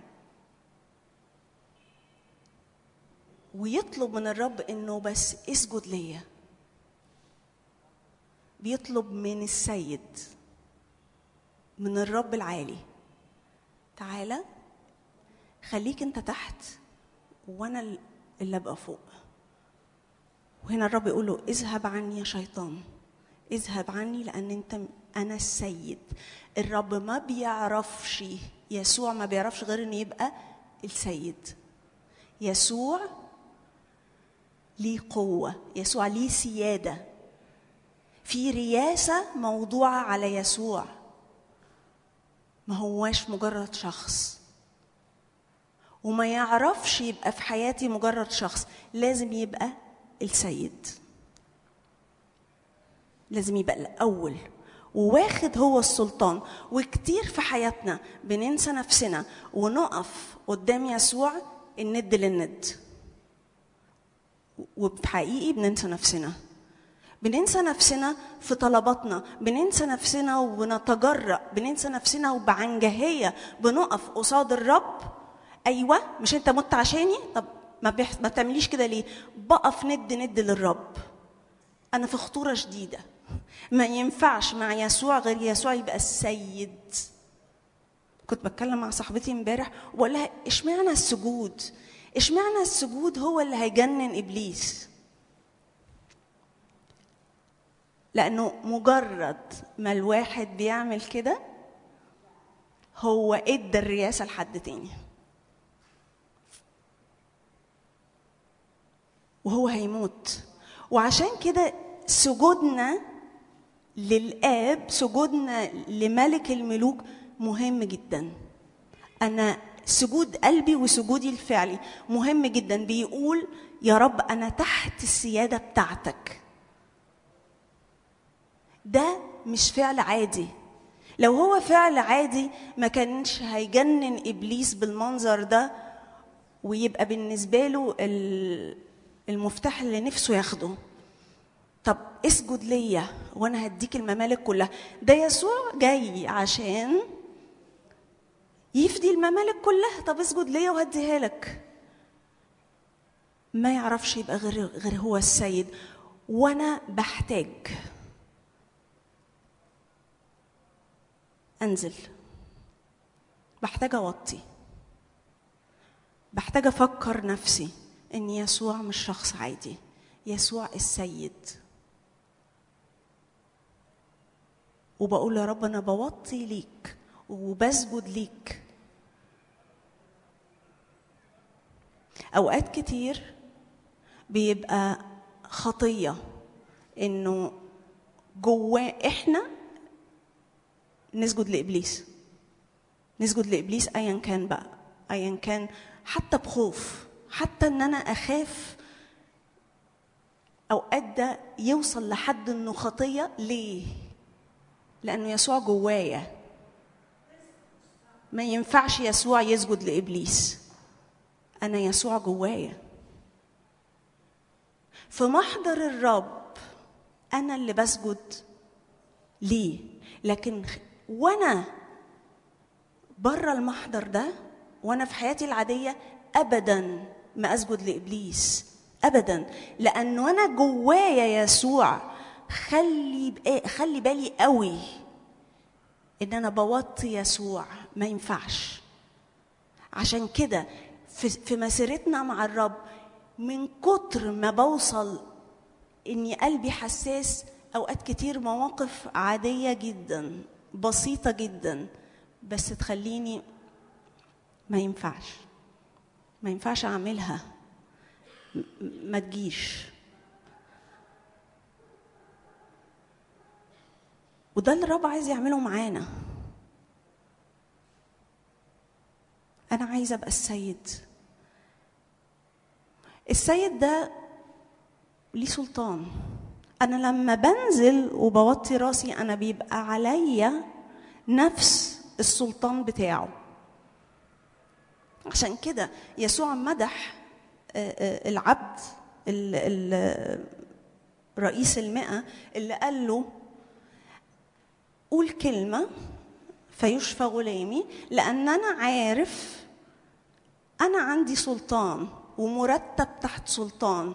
علشان كده يسوع انبهر. ده فاهم ده فاهم حاجة من الحاجات الأساسية ده مرتب تحت سلطان. إحنا بنحتاج نرتب نفسنا وأبقى مرتب تحت سلطان. أنا مش سلطان نفسي. أنا مش سلطان زماني. أنا تحت سلطان ورياسة. أنا مرتب تحت سلطان. عشان كده أوقات كتير عدو الخير ما يعرفش يقرب لأن أنا مترتب تحت سلطان يسوع وهو ما بيعرفش يأذي يسوع. مش عشان أنا جميل و و والتقوى العظيمة هي عشان يسوع.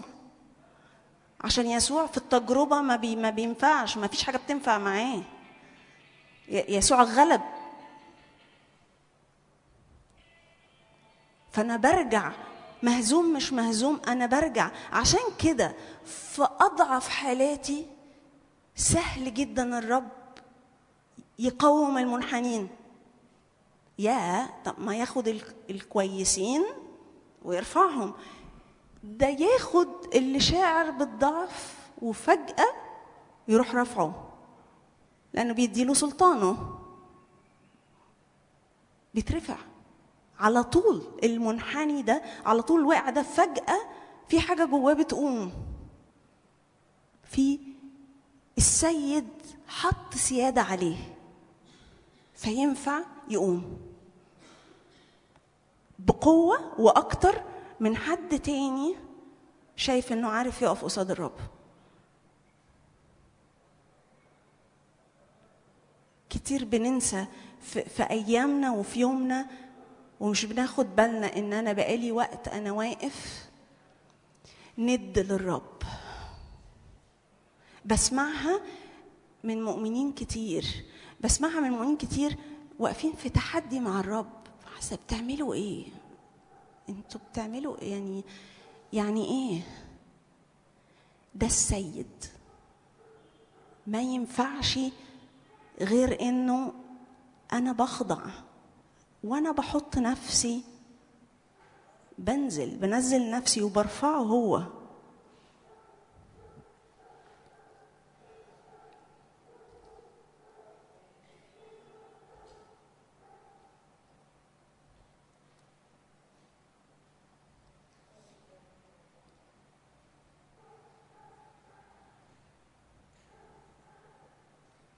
لما بمشي مع الرب وفقط بتحرك في جانب الابن اللي عايز ياخد الميراث اللي عايز يستمتع بملكوت الرب ده بيحصل.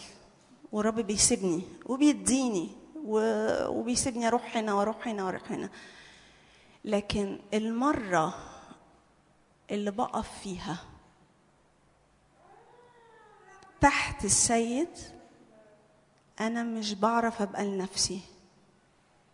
أنا على طول بطريقة اوتوماتيك ببتدي أقول له أيوه أنا مش لنفسي. عايزني أعمل إيه عشانك؟ مش مش عشان أنا أعمل حاجة ويبقى اسمي بعمل حاجة. أعمل إيه عشانك؟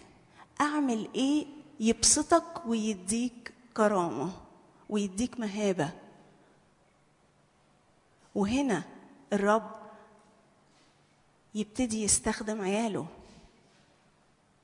يبتدي يستخدم عياله مش بس اللي بي اللي بيستهلكوا يبتدي يستخدم عياله اللي بيحطوا نفسهم تحت السيد.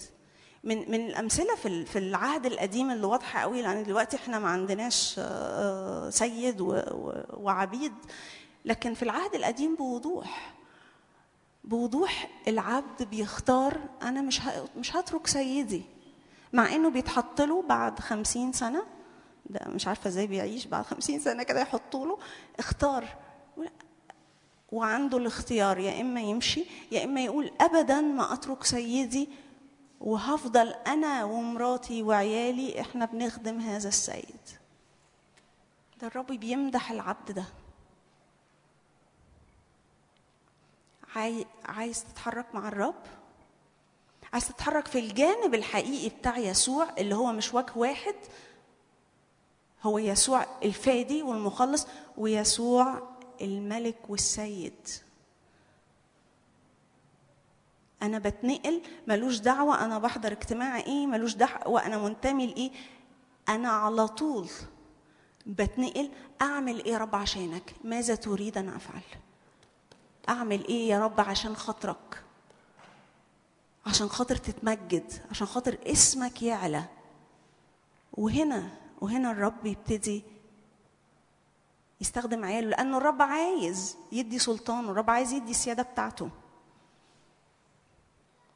الرب مش عايز ناس تمشي بقوتها لأنه مهما كنت قوي مش هجيب. وهيضحك عليا وهتغلب من عدو الخير. مين اللي ما بيتغلبش؟ مفيش غيره. عشان كده اللي عايز حقيقي يتحرك في ملكوت الرب لازم أوطي وأنزل للسيد لملك الملوك ورب الأرباب.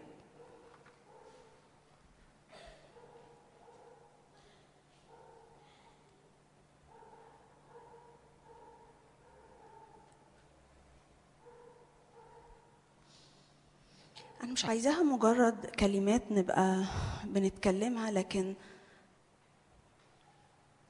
يبقى الرب بيعمل حاجة في قلبي حاجة خاصة في قلبي النهاردة لأنه هو ده اللي ليه معنى. هو ده اللي هو على الصليب شاف كل حد مننا وشاف نسل بتطول أيامه وهو ده اللي يستحق وهو ده اللي بيبص ليه.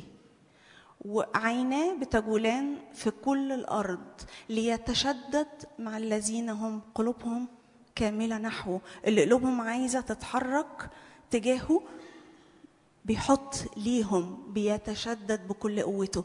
وهي تفضل عينيه بتجول في كل الأرض. مين من عيالي مستعد؟ قلبه. هي بتبدأ بقلبي. بتبدأ من هنا. عشان كده لما أحس ان قلبي بارد ما استناش. وعظة ما كلها حاجات كويسة. ما استناش اجتماع أنا أجري على الرب. أول ما قبل قلبي يبرد لأني ده المكان اللي الرب بيتحرك فيه. كان بره الكرة الأرضية زي ما ابتدينا في الأول. دخل في يوم التاريخ الكرة الأرضية. سكن عينيه جايبة وقصدا ان يسكن هنا. ساكن هنا. فدايما عينيه هتبقى باصة لقلبي. وأنا بحتاج أقول له آه يا رب قلبي بارد. يا رب قلبي ما بقاش حساس ليك زي الأول. آه رب قلبي بقى مهتم بنفسه. الموضوع سلس جدا. أنا مجرد ما بيعلن لي الرب في حقيقته يسوع اللي عينيه مليانة لهيب نار اللي بيعلن بمهابته. هو ليه مهابة؟ ليه مهابة؟ هو مش بيجي كده عادي. وأكتر أكتر أكتر وقت أنا بشوف فيه الرب قوي أو بتعرض ليسوع ده قوي بالحضور ده أنا فعليا ما بقدرش أتكلم ما بعملش حاجة.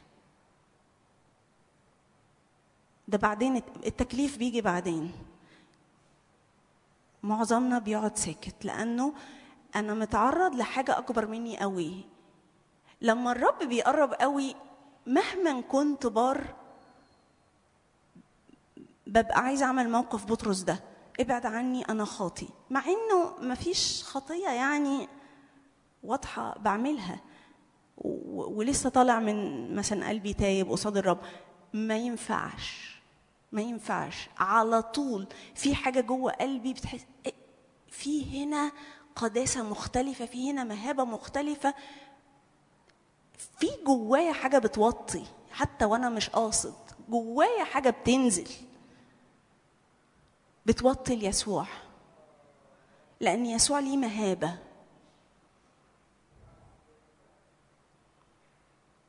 ولاده محتاجين يتعرضوا للرب السيد ده. محتاجين يتعرضوا له كتير كتير. علشان لما تيجي أزمنة و... والعدو يقف فيها بالفجور بتاعه ده اللي هيتصدر ليه هو يسوع. اللي هيتصدر ليه لما يبقى كل الأجواء حوالينا عدو الخير مش بالمستوى بتاع كذاب وسارق وقتال لا بمستوى فيه فجور. في بيقول يسوع ليسوع وجها لوجه اسجد ليا اللي بيتعرض لده يسوع اللي مليان مهابة السيد مش أنا. وده بنحتاج نتملي بيه. ده اللي محتاج شعب الرب يتملي بيه. المهابة دي اللي اللي شعب الرب يتملي بيها. واللي وأنا لوحدي قصاده أنا على طول ببقى عارف أنا مين. مش بلعب معاه كتير آه، استغماية على طول. على طول باجي قصاده على طول قلبي بيتكشف. محتاجين نتعرض لده. هنغمض عينينا وه... وهقرأ جوايا يوحنا يوحنا الحبيب. يوحنا الحبيب أكتر حد كان قريب ليسوع قوي. بس يوحنا الحبيب في سفر الرؤيا هو شخص تاني خالص. هو بيتكلم عن يسوع بحاجة مختلفة غير. غير خالص. رؤيا غالبا اتنين.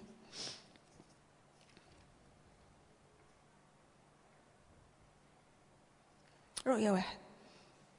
بيقول كده خلينا وإحنا مغمضين نسمع الكلمات دي. أنا خلصت لأنه مش الهدف أتكلم كتير لكن إنه في حاجة تحصل جوه قلبي لأنه ده مركز العمليات ده اللي الرب بيسكن فيه. فالتفت لأنظر الصوت الذي تكلم معي ولما التفت رأيت سبع مناير من ذهب.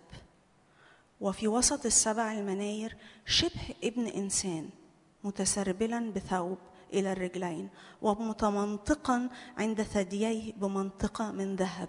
يوحنا شاف مشهد مختلف خالص اللي عن اللي كان بيشوفه وقت يسوع. وأما رأسه وشعره فأبيضان كالصوف الأبيض كالثلج وعيناه كلهيب نار ورجلاه شبه النحاس النقي كأنهما محميتان في اتون وصوته كصوت مياه كثيرة. ومعه في يده اليمنى سبعة كواكب وسيف ماض ذو حدين يخرج من فمه ووجهه كالشمس وهي تضيء في قوتها. وبيقول كده يوحنا فلما رأيته سقطت عند رجليه كميت. يوحنا أكتر حد يوحنا الحبيب أكتر حد في المشهد ده يقعد يتكلم مع يسوع اللي بالشكل ده. لا فلما رأيته سقطت. كل حاجة قدام المشهد ده هتسجد هتسقط. قدام كمية البهاء قدام وجه يسوع اللي بيعلن بمجد. قصاده ما ينفعش حاجة تقف. حتى يوحنا الحبيب اللي بيشوف رؤية وفي الروح ما ينفعش. بيسقط. فلما رأيته سقطت عند رجليه كميت فوضع يده اليمنى علي قائلا لي لا تخف أنا هو الأول والآخر الحي وكنت ميتا وها أنا حي إلى أبد الآبدين ولي مفاتيح الهوية والموت. يا رب أنا بسأل إني حقيقتك هي اللي تعلن في حياتنا يا رب. حقيقتك.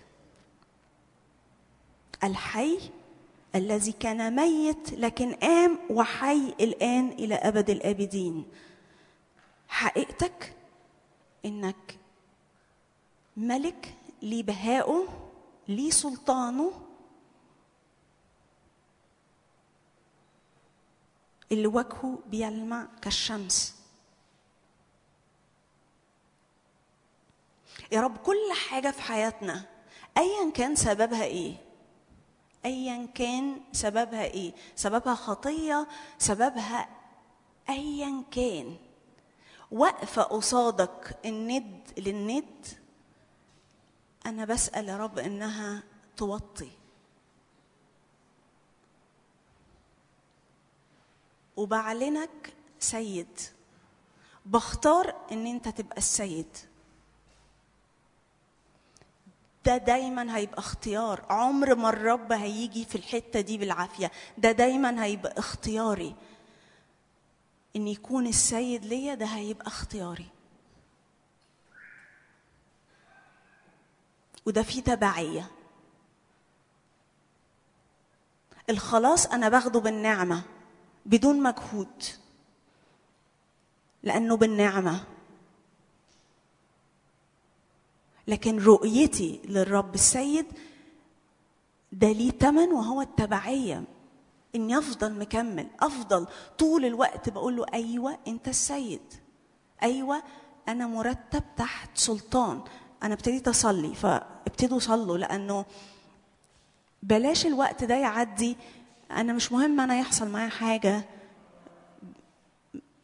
المهم أنتوا أنا والرب ومش لازم أنا أعرف عنها أنا والرب يحصل معايا حاجة.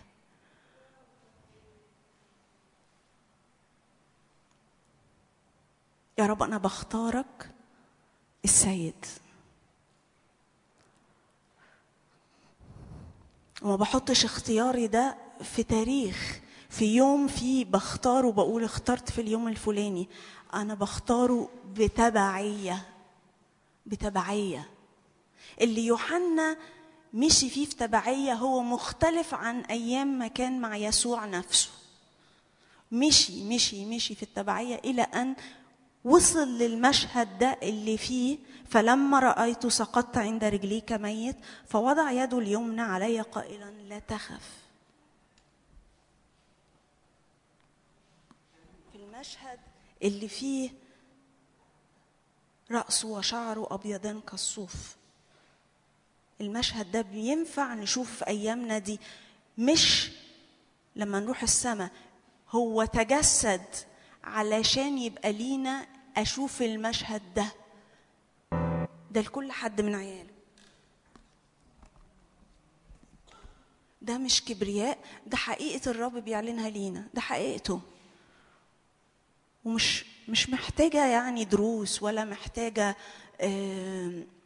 دي ما فيهاش أعمال دي ما فيهاش حاجة بالمجهود. ده هو عايز يكشف نفسه بالبهاء ده بالسلطان ده. إن كنت سيدا فأين مهابتي؟ إن كنت ابا فأين كرامتي؟ وإن كنت سيدا فأين هيبتي؟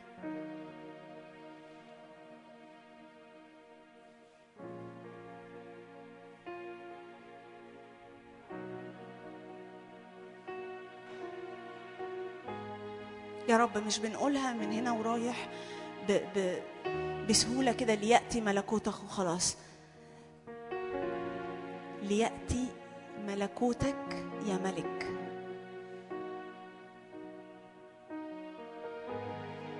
اللي فيه قلبي بيدي كرامة لأبويا بيكرم أبويا واللي فيه كل حاجة فيا تديه المهابة.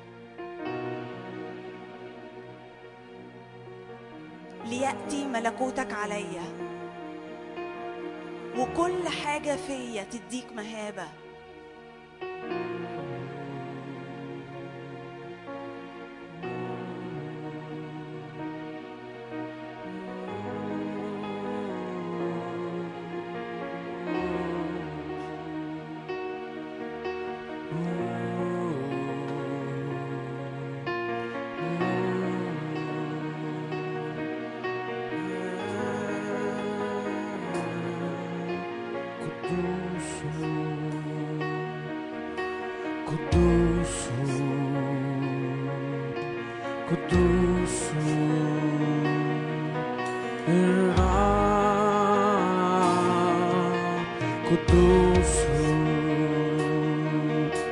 قدوس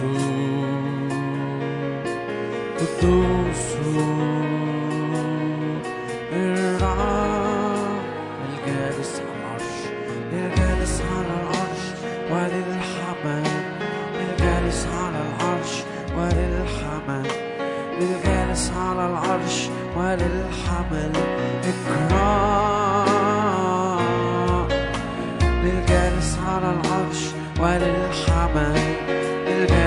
على العرش وللحمل للجالس على العرش وللحمل سلطان للجالس للجالس على العرش وللحمل للجالس على العرش وللحمل للجالس على العرش وللحمل إكرام. للجالس على العرش وللحمل. للجالس على العرش وللحمل للجالس على العرش وللحمل سلطان.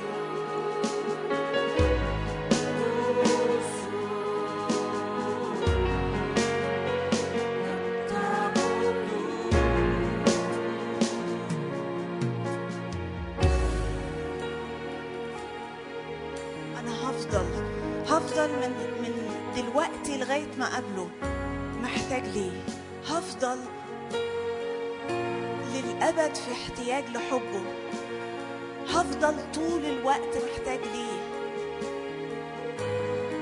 أنا أنا لازم عيني تشوف الوجهين وجه انه أبويا وجه انه سيدي. وفي خطورة في خطورة لما جنب منهم بيبقى كويس والجنب التاني فيه خلل. لما يبقى بس جانب البنوة فقط أنا فاقد حاجة رئيسية أوي وكبيرة أوي في شخصية الرب. ولما بس بشوف جانب السيد ومش مليان بحبه ومش مليان بالرحمة بتاعته لأنه مليان رحمة أنا دي بتبقى حاجة قبيحة جدا. وإحنا في روح الصلاة أنا لو نطيت على الجانب اللي فيه أنا بشوف السيد وبشوف الملك بدون ما أفضل طول الوقت بستقبل محبة وأنا ابن ليه؟ أنا في حاجة قبيحة بتحصل فيا. في حد عمل كده في الكتاب المقدس؟ في حد اسمه يف- يفتاح. يفتاح كانوا طالبينه وبيعمل خلاص للرب. بس يفتح كان عنده مشكلة. وجي في وقت و...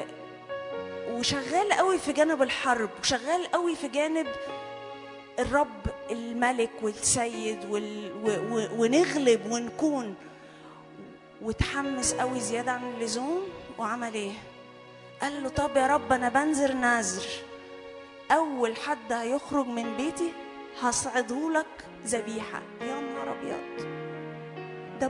ده ده ده ده عمل حاجة قبيحة جدا. وتبان إنها قمة إنه بيدي حياته للآخر. فكان أول حد بيخرج من بيته من باب بيته هي بنته الوحيدة اللي ما عندوش غيرها. والرب ما قالوش يعمل كده. ويتقال في الكتاب إنه أصل نرجع. يفتح كان إيه؟ يفتح الجلعادي كان ابن زانية. وفضل جوه قلبه في نقص. فضل جوه قلبه نتيجة تعييره للي حواليه إن هو ابن زانية في حتة مكسورة جوه قلبه. فحتى لما اتحط في حتة فيها ملك وحتة فيها سيادة هو عكها قوي. هو عمل حاجة قبيحة جدا. أنا مش بينفع أمشي في جانب وجانب لأ. يا رب باتضاع عايز أفضل لآخر يوم في حياتي الابن اللي بيستقبل محبة من أبوه واللي قلبه محتاج يتغير. وأعاين وجهك بحقيقته. وأكون تحت سيادتك بحقيقي. وأقول أنت سيدي. وأقول إن أنا رب ملكك بكل جرأة. وأقول أنا يا رب اللي أنت عايزني أعمله لك بثقة.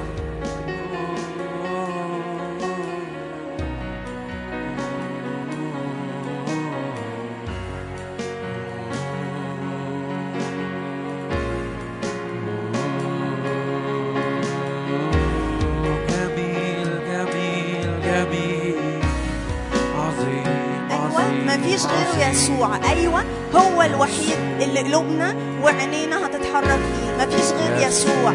يستحق. يستحق. يستحق كل الكرامة. يستحق في وسطينا. لأنه حي وفي وسطنا.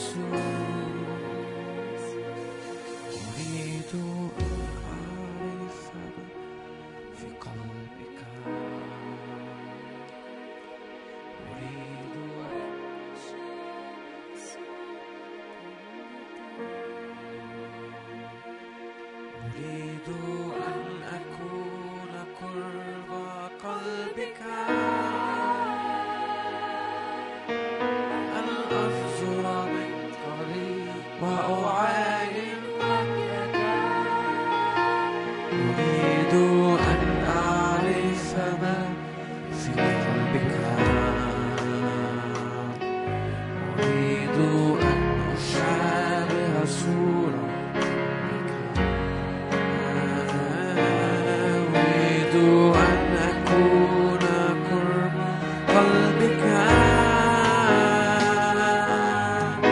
أن أنظر من قريب وأعاين وجهك. فالوقت قد حان لطلب وجهك.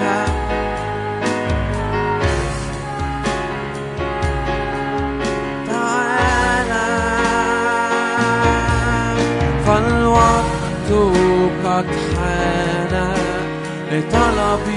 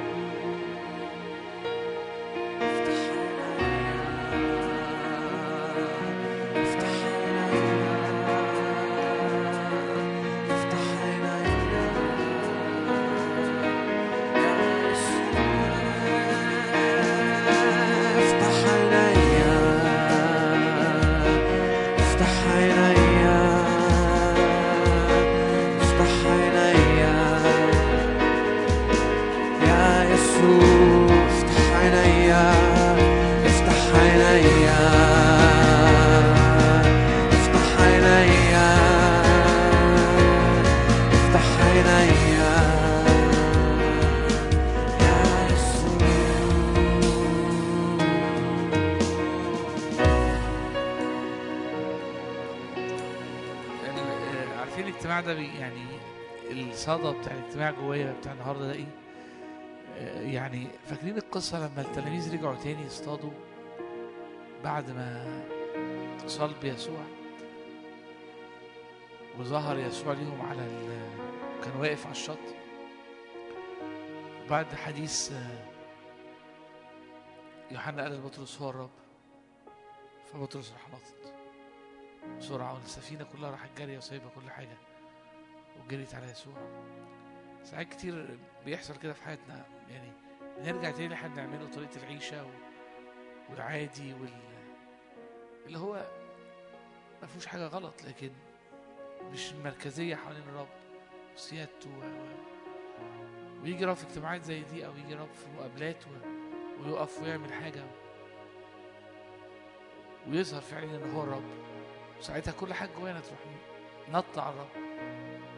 وجري عليه لأن هو مكان شبعنا ومكان راحتنا. فإيماني إنه النهاردة تروح البيت خلاص أنت جواك مش في السفينة. أنت على الشاطئ مع الرب حواليه زي ما كنت في أوقات تانية. أنت في أنت في عشرة أنت أنت أنت في تبعية أنت أنت في تمتع أنت في تتبع الرب تتبع حضوره تتبع مجده. إعادة يعني إعادة للبوصلة. إعادة توجيه البوصلة بتاعتي تجاه الرب. More and more. آمين. ال- ال- اللي اتزرع ما يتسرقش. ال- ال- قالوا سقط البعض على الطريق فجاءت الطيور وأكلته إحنا أرض جيدة في اسم يسوع. نخبأ الأمر جوانا نروح نلهج في اللي حصل نفكر تاني. أرض جيدة أرض جيدة يا رب كل قلب فينا أرض جيدة. يا رب اللي اترمى النهارده. يا رب يأتي بثمر. لأن أرضنا يا رب أرض جيدة. زي العذراء يا رب حفظت الأمر في قلبها. في اسم يسوع. نشوفكم الأسبوع الجاي. بس أنا نفسي نختم بترنيمه عيناه كالحمام عندما جري المياه. أوكي؟ أمين. بحبها. نرنمها ونروح.